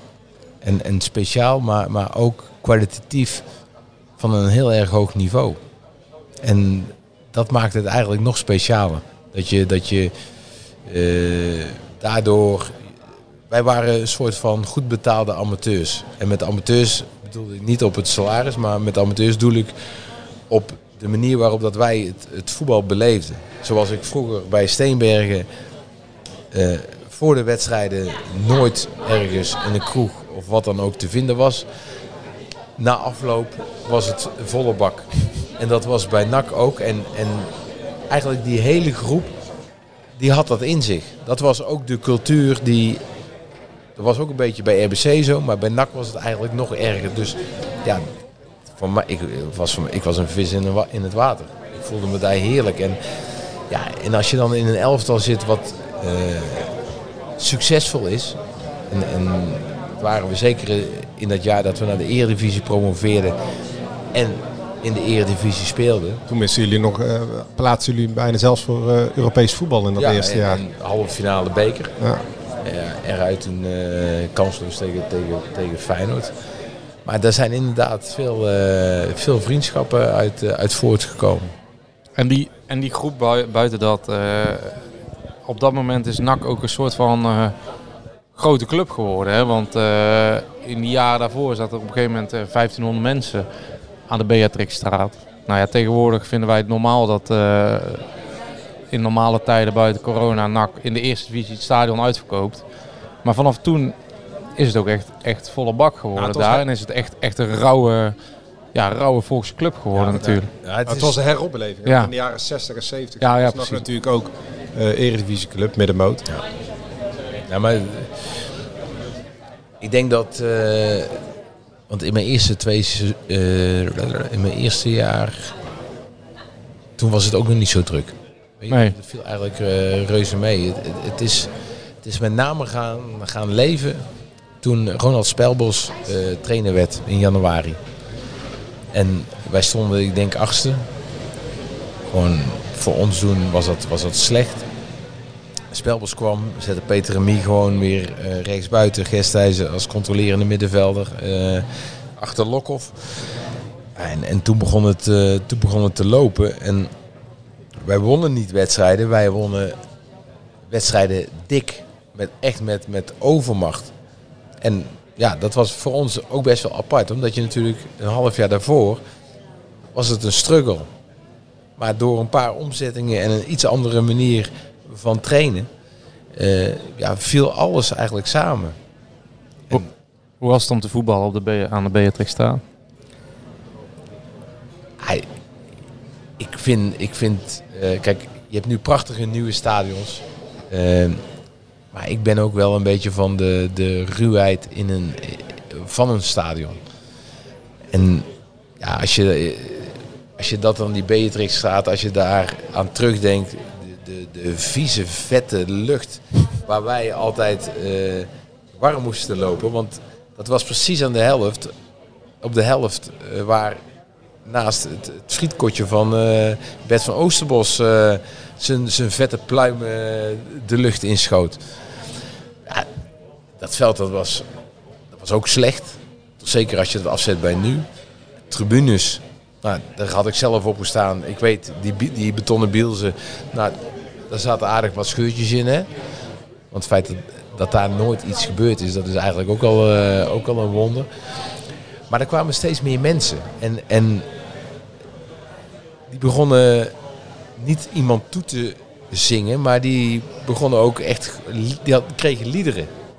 En dat zag je, in Duitsland had je dat ook een beetje, dat daar, eh, dat, dat nummer van eh, de Pet Shop Boys had je op een gegeven moment.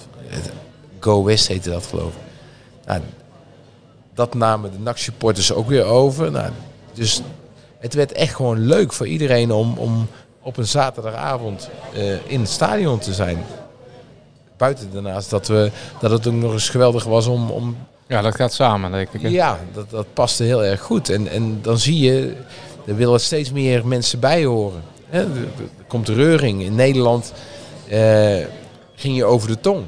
Hé, ja, we moeten bij NAC voetballen. Ik heb, ik, ik heb zoveel jonge over eh, oud-collega's gesproken die, die altijd refereerden aan, aan het avondje NAC. Die tegen ons moesten spelen. Go Ahead Eagles. Met Paul Bosveld had ik pas nog over. Die, die zeiden dan tegen de, tegen de trainer, oké trainer, luister. Als we niet verliezen, mogen wij dan een uurtje langer blijven. Nou oké, is een goede deal. Nou, speelden wij 2-2 thuis tegen Go Ahead. Nou, die gasten allemaal een trainingspak in die oude kate, in dat spelenzoom. Nou, dat was één, één groot feest. Oh, samen bier drinken met de tegenstander. Zeker. Maar heeft die cultuur ook eh NAC een bijzondere club gemaakt eigenlijk? Wat jij nou zegt, hè, dat rouwen, maar ook dat eigenlijk het, eh, de, de creatieve supporters, eh, het biertje wat erbij hoort, eh, waardoor een bepaalde cultuur is weggezet, waar de mensen zich bij thuis voelen die natuurlijk, ja, het is gewoon als een jas gegoten zit bij de, aan de stad, het Bourgondische. Heeft NAC dat ook een soort van anders gemaakt van bepaalde andere clubs in Nederland? Die tijd. Nou, ja, zeker. Ik denk eigenlijk al wel dat NAC daarvoor ook al wel speciaal was. Want toen ik als, als klein ventje eh, op de tribune stond, ja, werd er het beeld van wedstrijden tegen Ajax, PSV, Feyenoord en, dan, eh, en Utrecht ook. En dan met name eh, het gemat. Ja, dat maakt op een klein jongetje... Indruk. Ja, zeker. Weet je, dat... dan hoorde je wel eens van er zijn rellen en dan hoorde je ineens nak. Ja, dat, dan kwam ik ook altijd kijken, weet je. Dus Ja. het, nak telde in ieder geval voor mij dan eigenlijk altijd al wel mee. Maar ik denk dat die periode, met name wat je ook terecht zegt, de creativiteit van de supporters. Hè, want het is niet alleen maar eh, ehm, met- zo'n klepper in je handen staan, eh, zoals bij AZ een aantal jaren is geweest. Daar, daardoor creëer je geen, geen sfeer. Het is een soort, het is een samenwerking van, van, van spelersgroep en, en, en publiek. Hè, de spelersgroep Ja. die weer reageert. Het, het publiek reageert, reageert op de spelersgroep. En de spelersgroep die op het publiek reageert. Wij begonnen ermee de uitzending. Waar kwam die buikschuiven vandaan? Ah, dat, weet je, als je af en toe wel eens denkt van... Oh, Had ik dat maar niet? Ja, precies. Oh, echt? Nou, eh, een vriendje van me die eh, zei een keer van... Ja, je moet eens een keer wat, wat geks doen. En toen werden alle onze wedstrijden in de eerste divisie nog helemaal niet uitgezonden. Maar op de dag voor de wedstrijd zag ik die, die groene paal staan aan de Beatrixstraat. En een groene paal, dat betekende altijd... Er komt de Televisie. televisie, er komt de samenvatting. Dus ik sprak hem. En we speelden tegen Herenveen thuis. Eh, je moet eens een keer wat anders doen dan alleen maar dat eh, normale juichen. Ja, ja, ja, wat moet je dan doen? Ah, eh, voor mij een paar duikje eh, op het gas. Nou, en ik maak de 1-0.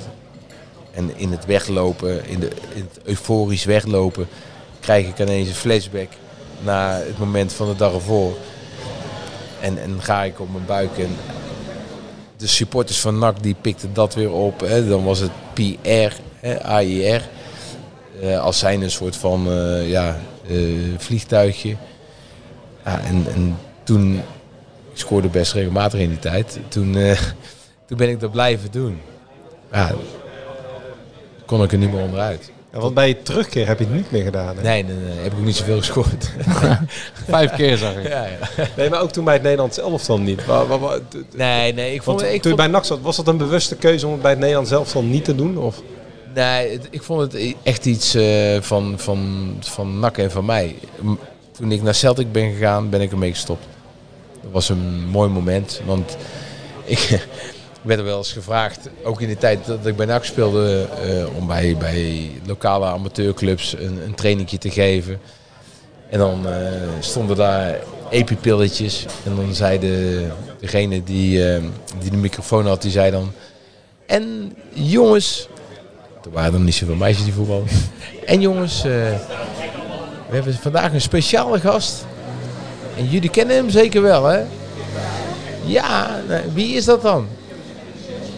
Ja, de buikschuiver. Ik ja, nee, nu gaat er iets fout. Ja. Dus dat, eh, daar moet ik zo snel mogelijk vanaf zien te komen. Je had het net over dat rauwe randje bij NAC. Hè? En ook die uitwedstrijden dat je meeging en, eh, in de trein. En, en, dat- en dat matten wat er af en toe wel eens gebeurde. Je hebt natuurlijk bij Celtic gezeten, bij Venebadje, bij NAC. Je hebt Glasgow tegen ehm, eh, Celtic meegemaakt, Venebadje, Galatasaray. Je hebt andere veldslagen. Wat zijn voor jou de wedstrijden die je zelf hebt meegemaakt en waarvan je vooraf, tijdens en na de wedstrijd meekrijgt? Ja, En je mag het misschien eigenlijk niet zeggen, maar dat je wel staat te genieten van de enorme spanning en, en hectiek en chaos en, en alles wat erbij komt. Wat, wat, wat is de clash of de wedstrijd die jou het meest is bijgebleven op dat punt? De intensiteit Van of beleving. van al de clubs. We hebben ook bij Fika Porto gehad natuurlijk. Ja. Ja, dat lijkt me Feyenoord Galatasaray. Nou, ik denk Celtic Glasgow. Oh ja, ook nog de Ja. Vanwege de religie die daar, die daar Nou, ik denk, ik kies voor Celtic Glasgow. Maar dat heeft te maken dat ik daar alles verstond van de vijandigheid. En eh Fenerbahce Galatasaray is ook beestachtig. Alleen... Schiet me in één keer die reclame te binnen met die snor. Ja. Cola, cola Turk. Die zullen we op de Instagram wel even Ja, plaatsen ja, nog. ja, dankjewel, dankjewel. Sorry. Maar dat heeft goed betaald, denk ik. Heb je Ja, ja, ja, ja, ja, ja. En goed, en goed. Nee, daar, daar kreeg je... Celtic, daar- ja. Nee, bij, bij Fenerbahce Galatasaray, daar krijg je, krijg je dat niet zo mee. Omdat je, je, je hoort niet... eh, als ze je- zeggen. Nee, als, als mensen jou uitschelden en jij verstaat het niet. Dan denk je prima. Dan, dan, voelt het, dan doet het toch geen pijn. Nee. Wat- wat- Bij Celtic Glasgow, want er is al zo vaak eh, is er iets over gezegd, er zijn boeken over geschreven, veel fouten en artikelen, maar je hebt het Jouw zoon, eh, jouw zoon gaat er nog steeds... eh, ik heb hem twee jaar geleden nog daar zien zitten, volgens mij bij de Old Firm. Ja, ik... eh, Die zoekt dat dan op. eh, Waar, waar, waar, waar zit die haat hem in? Voel je, want die- eh, nu zeker met die camera's, dan zoom je in op het publiek en dan, en dan zie je die koppies. Van, hoe heb jij dat beleefd? Want het is natuurlijk eh, eh, eh, Celtic van Ierse, eh, eh, zit de eerste signatuur, katholiek, eh, Glasgow, eh, Rangers, protestant. Dat het hele gedoe daar natuurlijk, ik, de vond dat, ik vond dat altijd heel erg moeilijk. Omdat ik, eh, zowel in Nederland, eh, Ajax Feyenoord, eh, maar ook, ook NAC Willem II, Benfica Sporting. Ja, je komt daar en, en mensen proberen duidelijk te maken, dat, dat is de vijand en alles. Maar tuurlijk geef jij meer dan 100%, want je weet dat het een speciale wedstrijd is. Maar de haat, ja, dat heb ik toch eigenlijk nooit zo gevoeld. Dat, dat Ook is niet bij mij- Celtic Glasgow, onderling. Nee, nee. Nee, weet je. Ja, dat is meer voor de, voor de locals, denk ik. Voor de Ja, Schotters wel. ter- terwijl Echt, dat ik Want ik, ik, ik zat afgelopen... eh, vorige week was de Old Firm ook bijvoorbeeld. En ik zit in Spanje. eh, en, en letterlijk elke ehm, tent met een beeldscherm eh, zit vol met Schotten. Ja. In Zuid-Spanje. Maar ook, ook veel Engelsen. Die, eh, Ook Engelse, die Brit. Ook, Ja. ook een, een, keuze hebben gemaakt.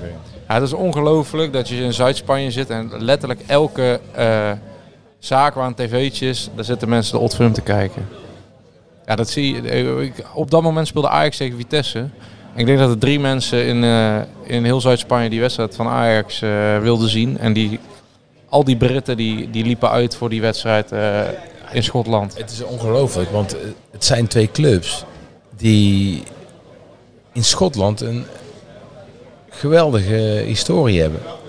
Internationaal valt dat eigenlijk wel mee. Ik geloof dat eh, Rangers een keer de Europa Cup 2 heeft gewonnen en, en, en Celtic de Euro- eh, Ja. Europa Cup 1. Maar dat is al echt alweer jaren, jaren geleden. Maar toen ik daar speelde, en dat zal nu niet anders zijn, na het seizoen werd je gevraagd of je naar Australië, naar Amerika wilde gaan. Want, of naar Ierland. Want daar zaten allemaal eh, supportersverenigingen. Die, clubs zijn eh, allebei zo ontiegelijk groot. Die zijn eigenlijk veel, veel groter dan dat ze in eigen land zijn. Als je deze twee clubs toelaat nou, laat ze beginnen in Championship. Dan zijn beide kunnen uitgroeien tot top 6. Ja, dat heeft te maken met alle hartstocht die erachter zit. Absoluut. En de aantrekkingskracht. Nou ja, en dan, op het moment dat ze in, in die Premier League zouden zijn, dan kunnen zij ook echt doorgroeien. Omdat nu blijven ze achter met, met eh, televisiegelden natuurlijk. We moeten het nog terug hebben over eh, jouw terugkeer bij NAC. We zijn nu al... eh, Ja. Ja, want eh, ik bedoel, we zijn nu al zo, eh, zoveel jaren verder. Kun je voor eens en voor altijd uitleggen, wat, wat, wat is daar nu gebeurd? Eh, was het Mommers? Was het Kees Lok? Jouw afscheid, je was, je was bij NAC teruggekomen. Nou, Ton Lokhoff werd ontslagen, net voor kerst, of rond kerst. Eh, 2005 uit mijn blote hoofd. Ja. En daarna was jij ook snel vertrokken. Nu heeft Kees Lok nooit daar iets over willen vertellen. Nee, snap ik. Eh, ja. Nou, ons werd ingefluisterd dat Theo Mommers jou weg wilde hebben omdat je te veel eh, aandacht opslokte. Wat is nu het verhaal geweest? Ja, d- ik denk niet of dat, is er niet echt één verhaal? Of, Nou, jawel. Ik denk niet dat Theo eh, de, de, de kwade is in deze. Eh, ik denk dat Kees Lok, die, die belde mij op 31 december om te vertellen dat hij trainer werd van NAC. En hij wilde met mij op 1 januari praten. En dat kon niet eh 2 januari. We gingen geloof ik 2 januari naar eh, Mierlo op trainingskamp. Maar Kees Lok die wilde per se weten van mij. Want dat is het enige wat hij gevraagd heeft toen hij bij mij in Breda kwam op 1 januari. Toen zei hij van, eh, ja, Ton is jouw vriend. Eh, maar eh, wil jij... eh, Ja, want Ton Lokhoff was ontslagen. ja. Ja. Net voor de kerst. Ben je van plan om je best te doen? Nou ja, ik vond dat- dat zo'n gênante vraag. Want ja, eh, Ton is mijn vriend. Maar deze dingen die gebeuren in, in het professionele voetbal. Dus, nou oké, zei hij. eh, want eh, ik ga jou... jij bent mijn man in, in het nieuwe systeem. We gaan alles lang naar jou toe spelen. En van daaruit gaan we verder voetballen. Nou oké, prima. We spelen RKC thuis eh, 1-3, eh, Roda 0-4 in een, in, een, in een week tijd. Zondag uitlopen. En Kees zegt, ik wil jou even spreken. Ik zei, nou, is goed. Hij zei, ja, hij zegt, ja, weet je, ik, eh, ik denk dat ik jou eh, binnenkort op de bank kan zetten. Maar niet omdat jij niet goed genoeg bent, maar omdat ik, eh, omdat die andere jongens jou niet begrijpen. Ik zei, ja, vind ik raar. Ik zeg, ik vind het heel normaal dat je mij op de bank zet, als dat de basis is van kwaliteit.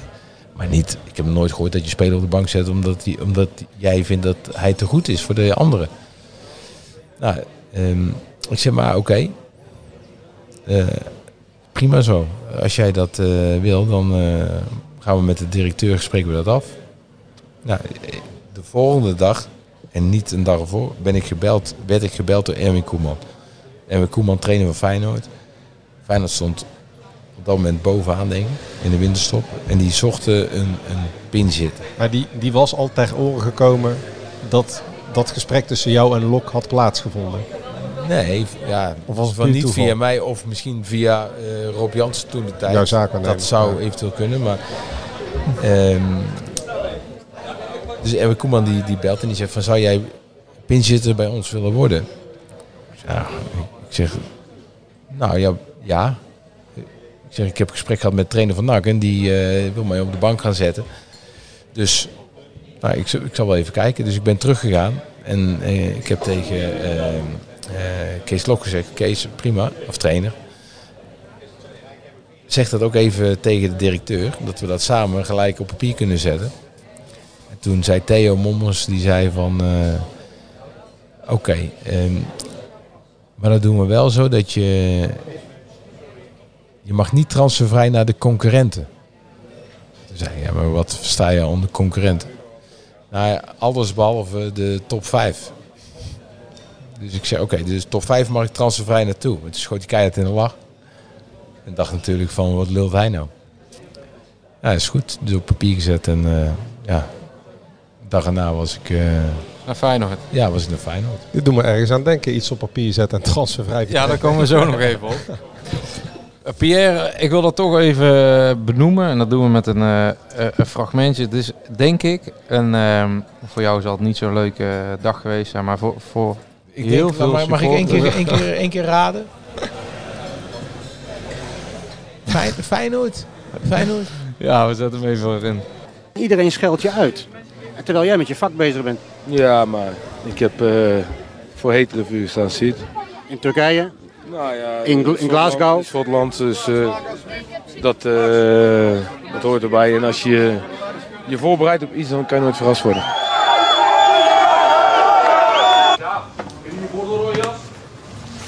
Hier zat hij net, hè? Hier zat hij net, ja.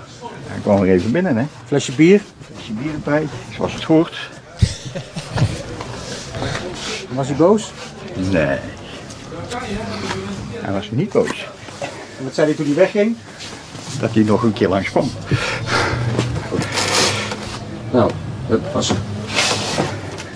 Tot zover. En als... Dit was toch echt een eh, geniaal eh, eh, stukje van Siert de Vos over die wedstrijd. Ja, ik vind alles wat Sier doet, vind ik goed. Eh, die man is geniaal. Maar ik, die ene zin van jou vind ik heel mooi. Want als je, als je iets verwacht, dan kun je ook niet verrast worden.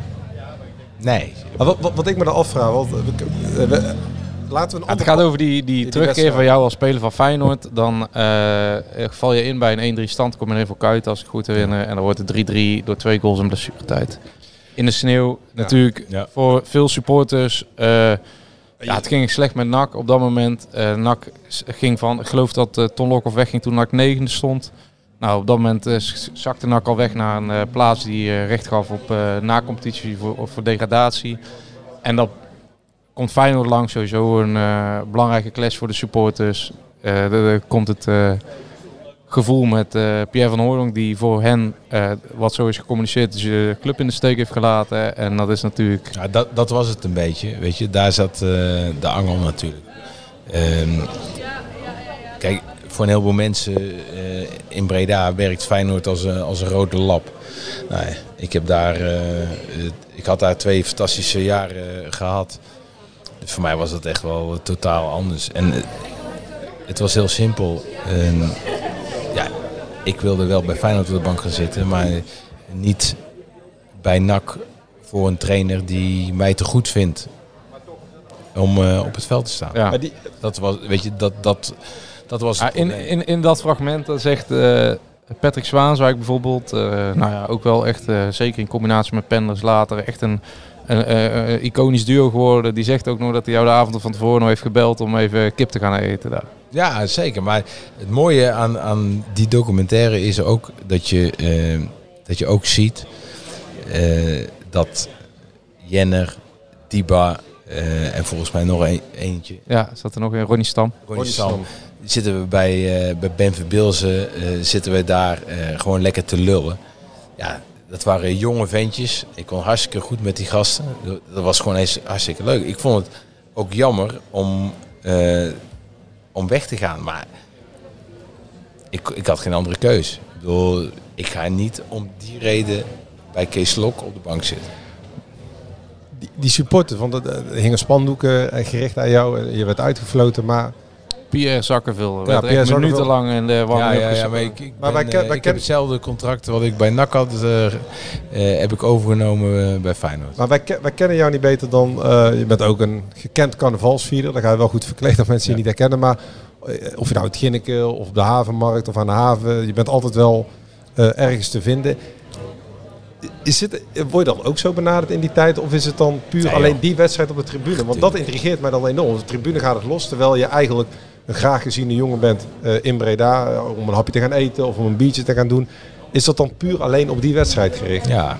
Dat is ook wel gek. Ja, maar het ja, is ook, ook wel de beetje de, de ja, in dit geval is het een beetje de, ik wou zeggen de charme, ja, het is ook wel een beetje een charme van het voetbal dat mensen, ja, die, die, die voelen een bepaald eh, onrecht naar aan toe en dat heeft ook deels met communicatie te maken, denk ik, maar en die, die voelen zich dan in de steek gelaten door iemand die hun held was of is. Ik zie wel twee parallellen, want de naam viel al, Ton Lokhoff. Hoe, ehm, daar wilde jij het ook nog over hebben, Joost. Ja, daar waren we naartoe aan het werken. Ja. We zijn op we hebben Dennis niet meer nodig, joh.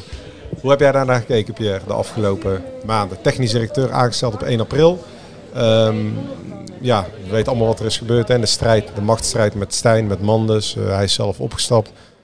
Je zegt zelf ook, ehm, jullie zijn nog steeds goed bevriend. Hoe, hoe heb jij dat eh, gezien? Eh, vanaf een afstandje, maar ook als goede vriend. En ook als supporter van NAC uiteraard. Ah, ja, vol, ongeloof.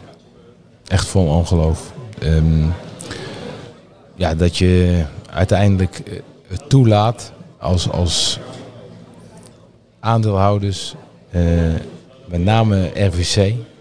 Hè, want dat zijn degenen die de aandeelhouders eh, moeten informeren.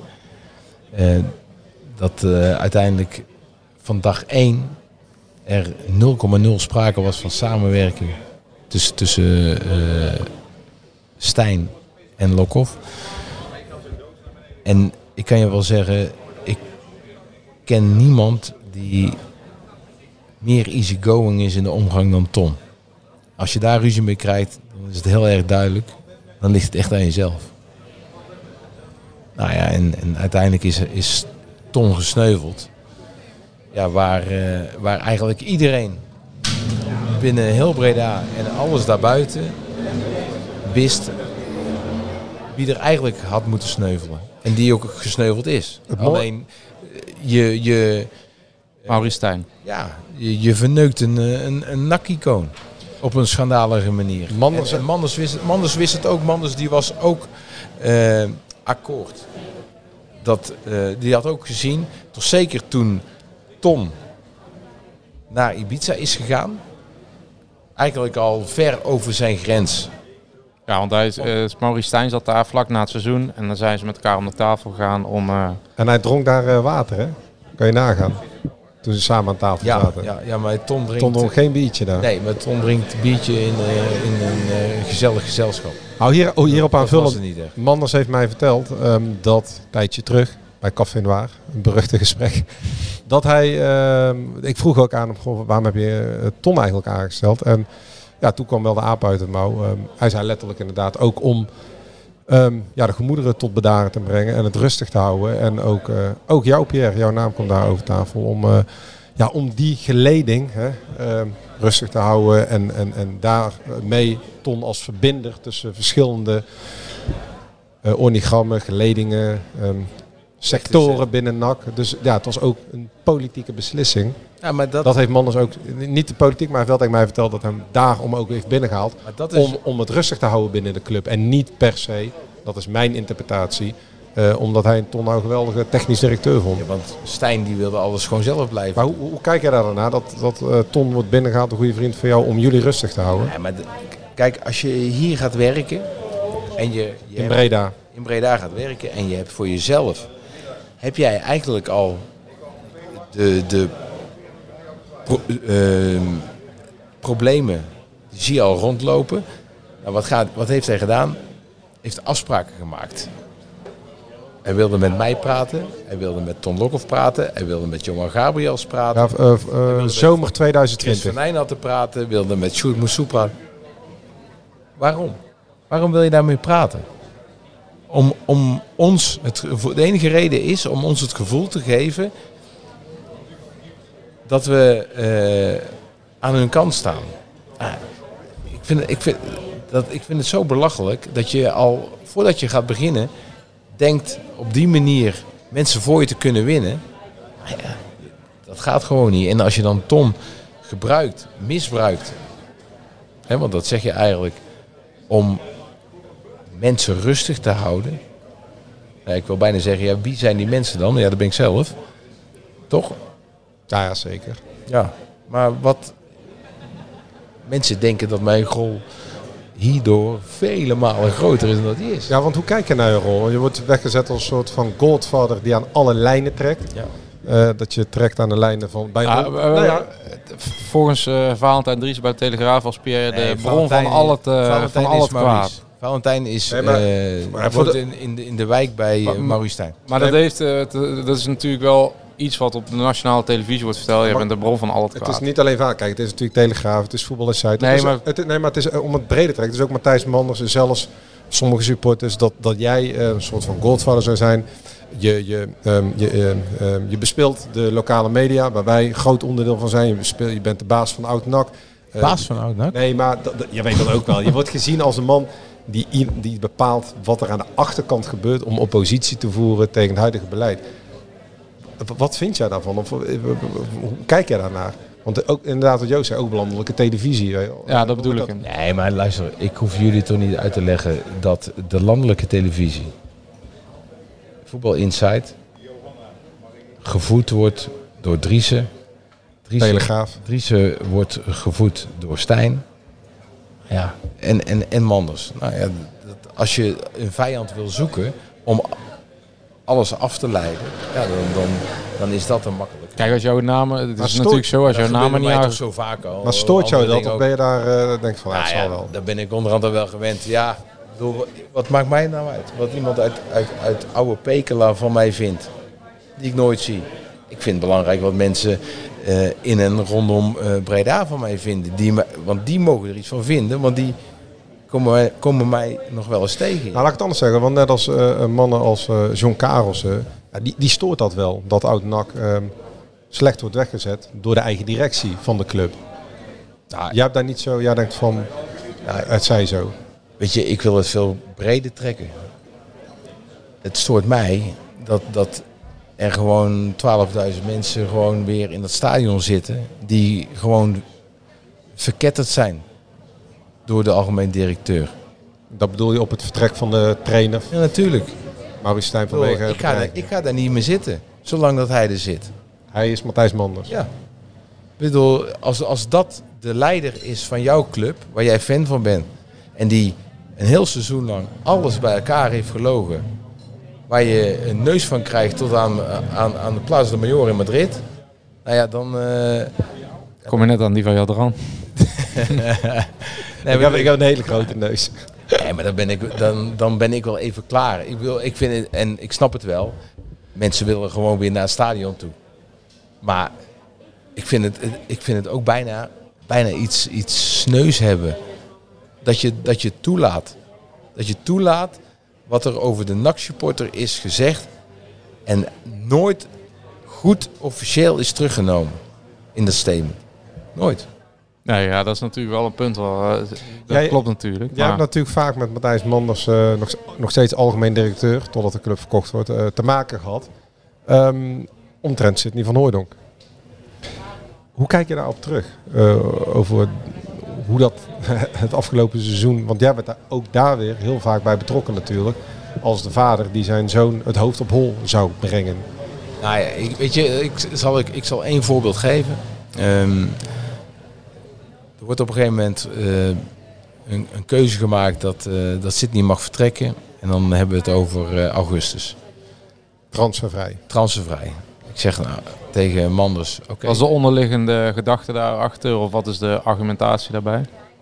Nou, of hoe, waar, hoe komt er zoiets tot stand dat, dat dat wordt besloten? Want op dat moment heeft Sydney nog een contract tot het einde van het jaar. Dat ging is hij nog een spits? eh Maurice Stijn heeft tegen eh Sydney gezegd dat hij eh, de eer, vanaf begin voorbereiding de eerste spits zou zijn van NAC. Maar daarbij wel zeggende dat er een nieuwe eerste spits zou komen. Prima. Dat was nog met Vince Stokkers. Juist. En, en wat gebeurt er? Eh, Sydney begint al die oefenwedstrijden in de basis. Tot de laatste twee voor de voorbereiding. Tegen RKC en tegen Sparta. En op dat, op dat moment wordt... eh Ja, tegen de amateurs speelde die bijvoorbeeld. Juist, en, wordt Stokkers opgesteld. Nou, Oké, eh, prima. Maar eh, toen vroeg ik me af van... Maar Stokkers wilden ze weg hebben. Als je nou Stokkers weg wil hebben... Waarom maak je dan deze keuze? Want dan gaat Stokkers nooit weg. Op het moment dat je zegt van... Wij gaan voor Sydney... En jij bent onze tweede spits... Dan, dan, ah, dan wordt, het, wordt- wordt zijn stoel een beetje wiebelig. En dan heb je kans dat hij besluit om, eh, om, om te vertrekken. Nou, dat hebben ze, eh, dat hebben ze niet gedaan. Ze zijn met Stokkers gaan eh, beginnen. eh, daar zijn ze mee begonnen. Eh, en ja, toen is er ook gezegd, oké, nou, eh, je mag transfervrij weg tot de deadline. En die lag wat verder vanwege corona. eh, vanwege corona. 2 oktober zoiets. Ja. Toen heb ik gezegd, eh, stuur mij maar een document. Zodat het op papier staat. En, en ja, dan gaan we, lang, gaan we naar andere clubs toe. Nou, dat is goed. Dat zou hij doen. Ik was op dat moment had ik een interview in, eh, in, in Zeist op de campus bij de KNVB. En op de weg terug word ik gebeld door Frank Schouten. Een eh, zaakwaarnemer, eh, laat ik zo zeggen, wel bekend in, het, in, Mhm. in het Haagse. En sinds afgelopen jaar ook goed bekend in het Breda's. Zaakwaarnemer ook van, van Immers. Die mij zegt van, ik heb eh, een document eh, binnengekregen van, eh, van Matthijs over, over de transferwijze status van Sydney. Dus ik heb Manders gelijk opgebeld. Die heb ik onderuit de zak gegeven. Ja, want dat is natuurlijk... Nou ja, hij, hij geeft daarmee geeft hij een, een zaakwaarnemer, een bevriende zaakwaarnemer, eigenlijk een volmacht om door heel Europa en Nederland overal te gaan leuren met een speler. Met wie, of de, eh, die geen zaakwaarnemer was van de speler. Dat is het kwalijke. Maar het was geen toeval dat het toevallig een, eh, een bevriende makelaar was. En dat was mijn eerste aanvaring met, eh, met Manders. Ja, in principe maak ik hieruit op dat Frank Schouten gewoon de opdracht krijgt om hem weg te brengen. Juist. Terwijl die afspraak nog niet lag. De afspraak was dat met jou dat hij gratis weg mocht. Ja. Maar niet om hem... Nou ja, bij zaakwaarnemers wordt dan gevraagd van... eh, heb jij een volmacht van de speler?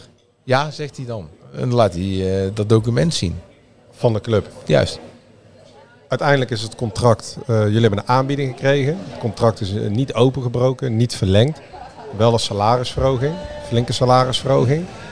Ehm, toen is opnieuw een bepaling opgenomen dat hij weer transfervrij mocht vertrekken in januari. Tot 24 januari. En dan is het natuurlijk de vraag van... ehm, daarna is het contract opgezegd eh, per post in maart. Nou, we hebben er uitgebreid over bericht in de krant. Hebben jullie ooit een aanbieding gekregen? Want daar gaat het natuurlijk om. Ook weer de casus om de opleidingsvergoeding van NAC. Nee, de aanbiedingen die we hebben gekregen, die dateren allemaal eh, voor het moment dat hij het aanhangsel eh, ondertekende. Het addendum van het salarisverhoging. Juist. En, en dat is eh, de enige La- communicatie. laten we zeggen vanaf oktober, laten we zeggen vanaf november is er nooit meer een officiële aanbieding. mag ook zeggen oktober.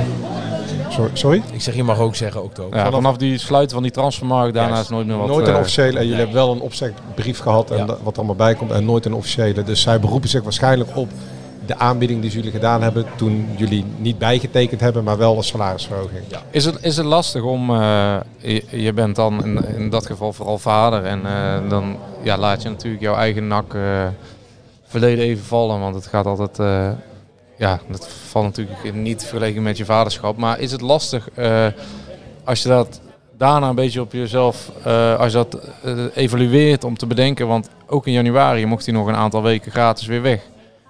En dan krijgt hij salarisverhoging Ah, in, in september, geloof ik. Is het dan raar als je dat voor jezelf evalueert? Als je, vind je dat een normale bedrijfsvoering eh, als dat met jouw club gebeurt? Nee, natuurlijk niet. Maar ik vind het ook, eh, dat zeg ik ook elke keer tegen vrienden, ik vind het zo eh, dubbel wat er is gebeurd.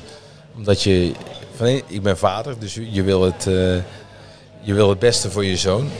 Eh, en daarnaast ben je ook nog, eh, ben je ook gewoon supporter. En als je dan ziet en, eh, hoe je, je club geleid wordt, ja, dan, dan moet ik van de ene kant als vader zijn in het belang van Sydney moet ik erom lachen. Omdat het gênant is. Maar aan de andere kant als supporter dan, eh, ja, dan moet je eigenlijk een, een traantje wegpinken. Hoe triest het is. Wanneer is tussen jou en eh, de club, en dan de clubleiding bedoel ik, niet met de club, want ik denk dat jij binnen NAC genoeg eh warme contact hebt, maar wanneer is het geëscaleerd? Nou, de- start was al niet goed. Nee. Dat, eh, ik werd nog uitgenodigd door Maurice na twee dagen dat hij aan het trainen was.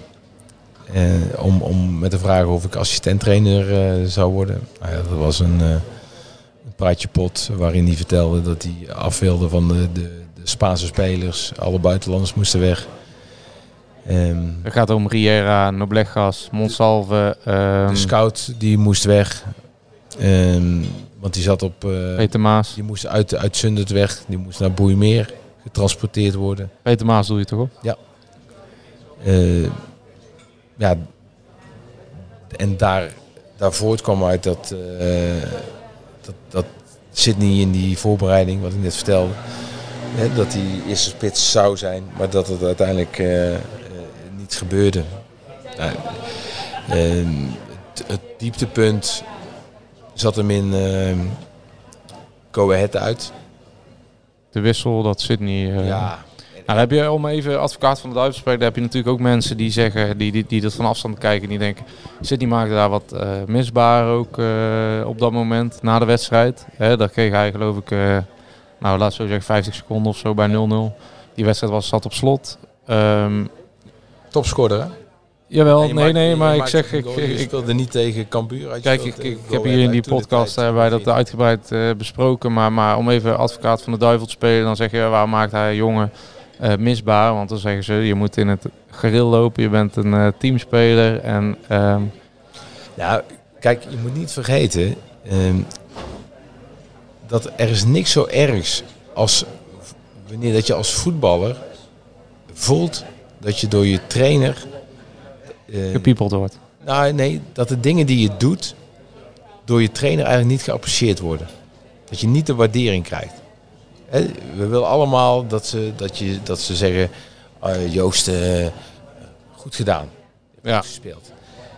De allereerste wedstrijd van Mario Bilate, hè, zijn debuut. Ja, De Bos, dat scoort Sidney twee doelpunten. Van Bilate na 10 minuten uit, hamstring blessure. Sidney valt in, die maakt twee goals. Vlak voor tijd maakt hij de winnende. Ik lees bij jullie in de krant uitspraak van eh, Stijn. Maar ik ben nog steeds op zoek. Of ik vind nog steeds dat een ander type spits beter is voor dit elftal. Nou, dat kan. Alleen als je als jonge jongen, niet als 33-jarige, maar als jonge jongen, dat te horen krijgt. Ah, dat doet wel iets met je. Ja, na twee doelpunten.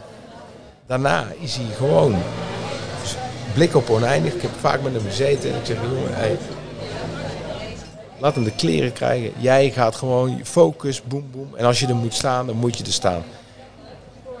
Hij was binnen, nou, vrij snel was hij, was hij met afstand topscorer eh, van NAC.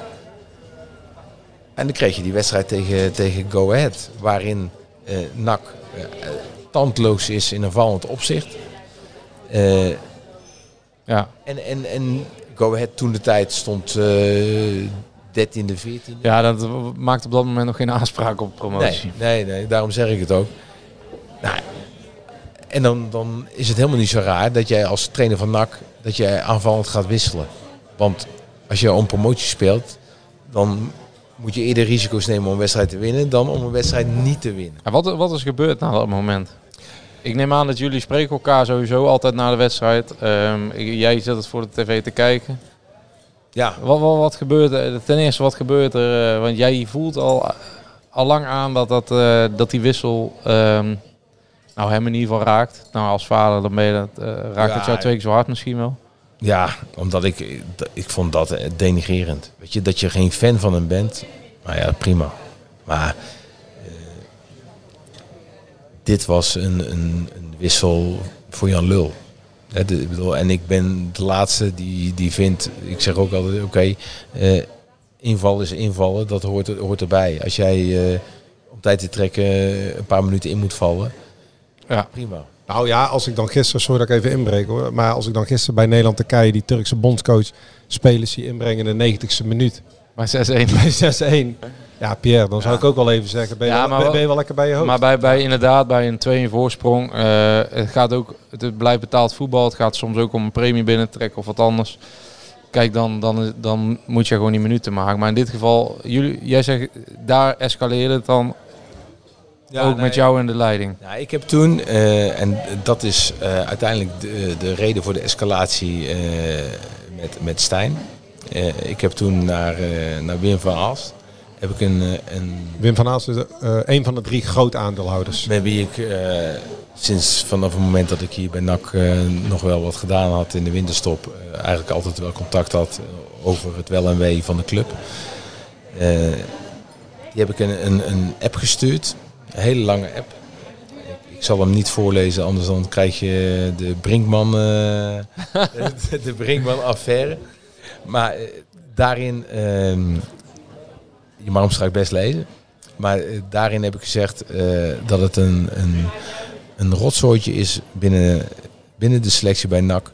Eh, dat er niet getraind wordt, of niet of nauwelijks getraind wordt. Conditioneel zijn de spelers niet op, op orde. In de winterstop zal de trainer vast zeker weer om een aantal nieuwe spelers gaan vragen. Terwijl dat hij een uitstekende selectie al heeft. Maar ja, deze ene minuut die doet met mij voor de allereerste keer echt iets. Hè? Ja. En alle andere dingen daarvoor, dan kunnen we altijd nog zeggen, ja, dat zijn keuzes van trainen. Ja, dat, dat ik dat niet leuk vind, ja, dat kan. Maar dit, dit had niks met, met eh, voetbal te maken. Dit was een, een, was een belachelijk iets. Maar denk, de- denk je dan niet bij je eigen van... Ja, ik ga nu eh, eh, de groot aandeel, de, de man die het meeste geld in nak heeft zitten, die ga ik nu appen. Ja, dat heeft natuurlijk consequenties. Nou, nee. Is, is dat niet, is dat niet gek? Dat heeft toch geen consequenties? Ik heb met hem regelmatig contact gehad over het wel en wee binnen NAC. Was jij een soort van klankbord op... op Nou ja, maar, maar, maar niet in de, in de zin dat wij elke week eh, contact hadden. Maar ja, dat hadden wij wel eens. Ja, er, er komt een moment dat... ik eh, dat- ik neem aan dat jij ook met eh dat- Maurice Stijn of met Matthijs Manders daarna nog een keer iets besproken hebt. Nee, nee. Daarna, Of daarna- dat jij bent aangesproken Daar- of zelf met... Nee, daarna niet meer. Wat er toen is gebeurd, is dat eh Maurice Stijn ehm, de app die ik had verstuurd, eh, die heeft hij ook onder ogen gekregen. Dus Wim van Aalst heeft dat weer... Nou, Wim heeft dat eh, weggelegd bij eh, eh, Van Baal. De voorzitter van de Raad van Commissarissen. En die heeft dat naar, naar Manders slash Stijn. Dus eigenlijk helemaal doorgedruppeld van Juist. boven. Want Van Aalst die wilde dat probleem bij de FVC wegleggen. En de Ja, FVC vond ja. dan, dan... Klopt. En, en toen heb ik in januari speelde Sydney eh Winette, was hier weer in het elftal gekomen. eh, ben ik gebeld door, eh, door Stijn, die, eh, die boos was.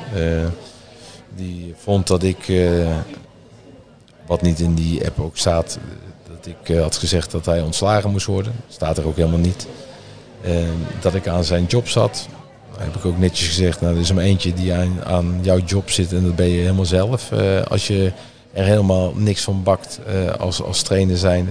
was een, een heel pittig, pittig gesprek. eh, wat, wat eindigde met, eh, met de woorden, want ik had gezegd van ja, eh, nu, nu pikt hij de, de wrong battle. Waarop Stijn tegen mij zei, nou, de zullen we nog wel zien hoeveel dat Sydney nog gaat spelen. Ja. Maar op dat moment speelde hij nog. En wat gebeurt er? Net voor Almere eh, raakt hij geblesseerd.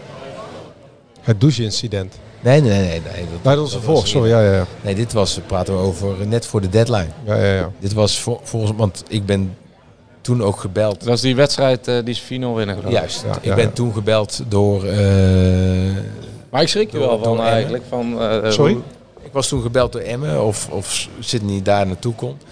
Maar dat vond ik al vreemd, omdat Sydney speelde.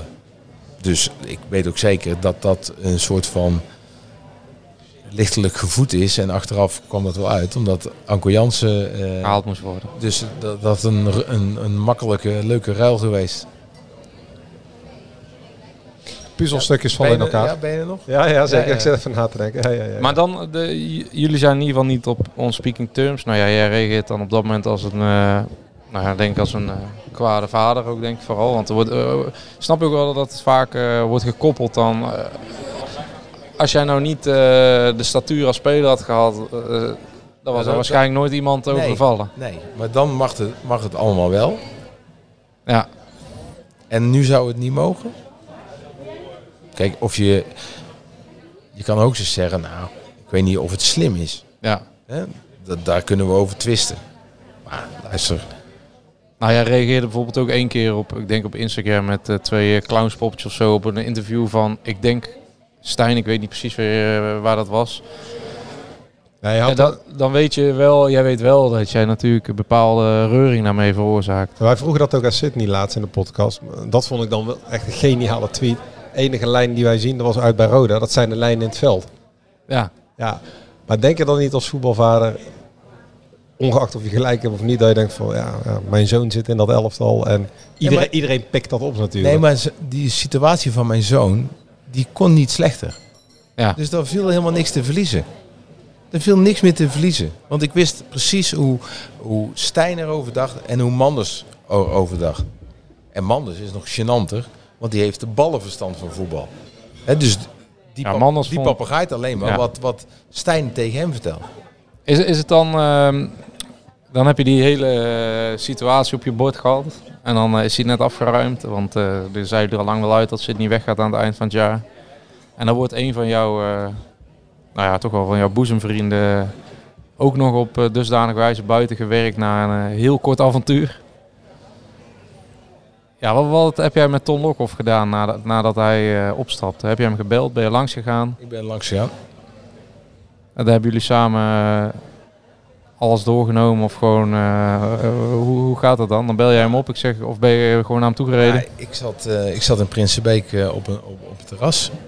En met, met Sydney eigenlijk. En die zegt, die kijkt op zijn telefoon en die zegt van... Ton Lokhoff weg mijn nak. En ik wist het niet. Dus ik heb Ton geappt. Ik zeg, Ton, klopt het? En ja, ja, zegt hij. Ik zeg, nou, dan kom ik straks even langs. Ja, want dat is wat vrienden dan doen. Ja. nou ja, Maar jij weet ook wat het voor Tom betekende natuurlijk, eh, de club maar die, die, die, geeft, die had een, een, een geweldige job in, in Wolfsburg. Die geeft hij niet zomaar op eh, voor niks. Die komt hier en, en nou, mooie bedoelingen. eh, helemaal binnengeloodst door Manders. Hè, maar blijkbaar dus toen al met valse voorwenselen. Of in ieder geval geen goede voorwenselen. Goede intenties.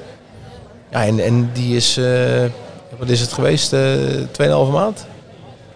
Ja, maximaal. Ja, nou ja, dat, eh, dat, dat vind ik verschrikkelijk. Want het was wel voor iedereen duidelijk, behalve voor Matthijs Manders en de RVC, dat er hier wat er fout kon gaan, dat, er ook, eh, dat alles ook verkeerd ging. Heb je toen Wim van Hals ook een appje gestuurd? Nee, niet meer. Nee, nee. Hebben jullie geen contact meer daarna gehad? Nee, ik heb Wim wel gebeld. Van eh, hoe kan het zijn dat. eh, en ik heb er gelijk bij gezegd. En alles wat erin staat, dat neem ik niet terug. Hè? De, maar Ja. hoe kan het zijn dat. eh, dat dat Jouw appje. Bij, bij Stijn terecht is gekomen. En eh, toen heeft hij gewoon netjes verteld dat hij zonder kwade bedoelingen, en dat geloof ik onmiddellijk van Wim, dat hij de enige naar wie hij het heeft laten lezen is eh, Edwin van Baal. En Edwin van Baal heeft het weer doorgestuurd naar of Manders of Stijn. Waarschijnlijk naar Manders. Ja, en, Maar de RVC is natuurlijk later ook nog eh, echt als een eenheid achter eh, de directeur en de trainer gaan staan eigenlijk. hè? Ja, zeker. Maar dat is gênanter als je weet dat er binnen die RVC eigenlijk vanaf het eerste moment is gesproken van wat te doen als we moeten kiezen tussen Ton Lokhoff of Maurice Stijn. En die vraag is tot het moment dat Stijn uiteindelijk weg is gegaan, is die vraag in de RVC drie keer eh, gesteld. En drie keer wordt er door alle RVC-leden unaniem gekozen voor Ton Lokhoff. En leg mij eens uit hoe het dan mogelijk is dat er voor Stijn gekozen wordt. Zo, zo dus ik, ik, ben, ik, ik ben hartstikke blij met de keuze van Mark Haarman. Dat vind ik chic. Ja, die stond daar niet achter. Als je je in je rug gestoken voelt, dat je er ook gewoon opstapt. Nu zitten de mensen, die hebben de ballenverstand van het voetbalgebeuren. Die zullen waarschijnlijk hartstikke succesvol zijn in het, in het bedrijfsleven, in het zakenleven. Maar die liegen alles aan elkaar. Alles. Ja. Met, met, de, met, een, met de directeur in de Polonaise voorop. Zou, zou Ton Lokhoff nog eh, ooit openstaan voor een eh, nieuwe entree? Als er een eh, bepaalde schoonmaak heeft plaatsgevonden? Nou, Die wel lijkt te gaan gebeuren met, van- eh, met, een, met de eigenaarwisseling. Wat ik van Ton weet is dat Ton eh, zegt van nou, ik ben niet klaar met, eh, met het voetbalwereldje en, en ik ga eh, lekker potje, potje golven. Dus ja, als, hij, als er iets eh, moois opkomt, dan, dan denk ik dat hij daar wel in geïnteresseerd is. Ik zou het eigenlijk ook bijna puur even als supporter, zou ik het al, al eh, chic vinden dat dat weer een ere hersteld wordt. Ja. Ik bedoel, wat, wat, wat zijn je iconen dan waard? Ja, Mr. Nak, als die je titel dus- draag je niet voor niks. Als je er zo mee omgaat. Hey, het, eh, Pierre tot slot, want we zijn bijna een aflevering zomergast aan het maken. Ja, en ik zie daar de Pata Negra Ja, en de, die, en de zit, oesters, eh, weg eh, die loopt bijna weg, die Jongen, Pata Negra. jongen, jongen. Hey, eh, Pierre, ehm, om even positief. vorig jaar is natuurlijk veel, hebben mensen veel in beklag gedaan over het spel. Ehm, nou ja, de selectie is nog altijd niet, denk ik, in mijn ogen in ieder geval, niet goed genoeg om mee te doen. Ik heb ook de positieve kritiek over Kessens en Van Akker geho- gehoord en gelezen. Jouw maar- mening maar, doet ertoe, Joost. Maar ja, Milan van Akker eh, kan, je, kan je gewoon niet meegaan. Met Milan van Akker kan je niet meegaan doen om de hoogste te plaatsen. Maar kan jij wel eh, weer een beetje genieten van eh, het veldspel wat NAC op dit moment tentoonspreidt. En, en ook de rol die bijvoorbeeld een Bredaner als Ralf Seuntje precies de juiste toon weet te raken bij de achterban. Maar ook ondertussen eh, op het veld het voortouw neemt, eh, die hij daarbij eh, neemt. Kan je daar wel nog van genieten dan weer ten opzichte van het spel wat je vorig jaar af en toe hebt gezien? Ja, nou ja, het spel, ik vond het vorig jaar echt, echt verschrikkelijk. Uh, onwaardig. En ja, het verbaasde me uh, dat ik nak zag, deze competitie, wat, wat aan wilde vallen. En dan denk ik ook wel van, ja, uh, Edwin de Graaf, jij hebt een heel jaar naast Marie Stijn op de bank gezeten. Je hebt je mond blijkbaar niet open gedaan. Of je bent niet binnengekomen bij hem. Maar ik weet ook dat hij bij, de bij het technisch overleg ook de spelers niet goed genoeg vond met wie je nu wel moet werken. En die het blijkbaar dus best goed uh, doen. En dan doe ik met name even uh, op uh, Azegari. Maar ja, Seuntjes vind ik, en, en dat vind ik leuk voor het publiek. Dat is een verpersoonlijking van, van Breda. En zoveel lopen er niet rond. Nou, en hij neemt het voortouw. ik geloof dat hij bij alle goals betrokken is, is geweest. Ja, dat is goud voor, uh, voor een club. Maar ik denk ook dat het elftal, wat je nu krijgt, dat dat helemaal niet zo slecht is. Dat je daar prima voor promotie mee kan doen. Ik heb andere teams nu ook gezien. Ja, wie heeft indruk Ja. op jou gemaakt? Almere? Ja, niemand. Eh, ADO? Nee, Gra- ja, Den Haag zeker Graafschap tegen een, eh een, een manknak? Nee, ja, je ziet nu met eh, zeker de komende twee wedstrijden. Ik weet niet, eh, ik geloof dat Antonia wel bij is. Jadran, kijk jou Ja, die zit, eh, die zit op de bank eh, vrijdag tegen En Lison weet ik niet. Eh, En Bilaat heeft de groepstraining. Bilaat Ja, is eh, goed, dat- sowieso erbij. Kijk, dat is natuurlijk, als je even dan verder gaat kijken. Ze hebben die eerste wedstrijd, vier wedstrijden eh wisselend gespeeld. De ene keer speelde Ralf Seuntje op 10, andere keer Corsia aan de spits. Maar of je Bilaat of Corsia hebt, dan maak je natuurlijk alweer Nee, tuurlijk. Dat is, flinke upgrade weer de volgende wedstrijd. dat, is, dat is een enorm verschil. Maar als, als, als Pilate fit, fit is, eh, je krijgt straks eh, Rutte ook weer terug. Dan heb je toch gewoon een prima elftal. Ja. Ik ben het met je eens, dan moet niet te veel gebeuren, want dan eh, kom je in de problemen. Maar als je nou iedereen is optraint tot een, met een conditie voor 38 wedstrijden eerste divisie voetbal, dan raken er misschien ook wel minder geblesseerd. Hè? Ja, want eh, ja, er komen een aantal nog terug. Kai de Roy, Dion Malone zijn er ook nog. Ja, Jadran, we gaan eh, naar Kerkrade samen eh, vrijdag. Hartstikke leuk. Lekker fly eten. En maandag naar Amsterdam. Maandag naar Jong Ajax. Dus een druk, eh, druk weekendje voor de boeg. Hartstikke leuke persvrouw. Oh, dus ik kan, eh, ik kan al wel... Ja, dan moet ik eh, niet veel drinken don of eh, zondagavond. Zes, Nou, zes puntjes. Ja, zes puntjes, eh, Pierre. Sluiten daarmee af? Nou, ja, jonge Ajax, dat, eh, ik bedoel, als je daarover struikelt. En Rode SC is natuurlijk... eh, die hebben maar één puntje meer dan NAC, ook twee keer verloren. Dus... eh, nou, zes puntjes, daar gaan we wel voor je eraan. Ik voel Dan, me eigenlijk- dan gaan we volgende week in Om de het podcast helemaal voor feest- lopen. Ja, om het helemaal feestelijk uit te leiden. Ik vroeg me af, heb je al een pak voor carnaval komend jaar? Heb, heb je er überhaupt geloven in dat dat, eh, dat kunnen Ja, gaan ja, vieren? zeker, zeker. Ja? Ja, ja, maar misschien is dat ook maar eh, de wens van de gedachte. Ja, ik denk het ook. Maar eh, de- om, om, om mee uit te gaan, jij gelooft erin. ja, ja, zeker. Ja? Ja, ik we, sta- ben, we eh, staan te hos op de markt eh, in februari. Niks aan de hand. Gewoon paspoortje laten zien. Ja, ik denk dat onze luisteraar ook wel weet of we in mei ook staan te hossen op de markt. Ja, en eh, sinds vandaag weten we, het is niet... eh, hoeveel- interland? 47? 46. Niet de, vit- niet de 14 46-voudige goals. international, maar de vader van. Vader Die hebben we van vandaag ook geleerd. Vader hè? van V. V van Hooydonk. Ja. Ze draait nu om. nee, we gaan afsluiten. Ja, normaal doet Dennis al eh, bedankt voor het luisteren. Vergeet niet te abonneren. Ja, ik En, hoop nog eh, dat de mensen dit helemaal hebben uitgezeten. Het is bijna twee uur, joh.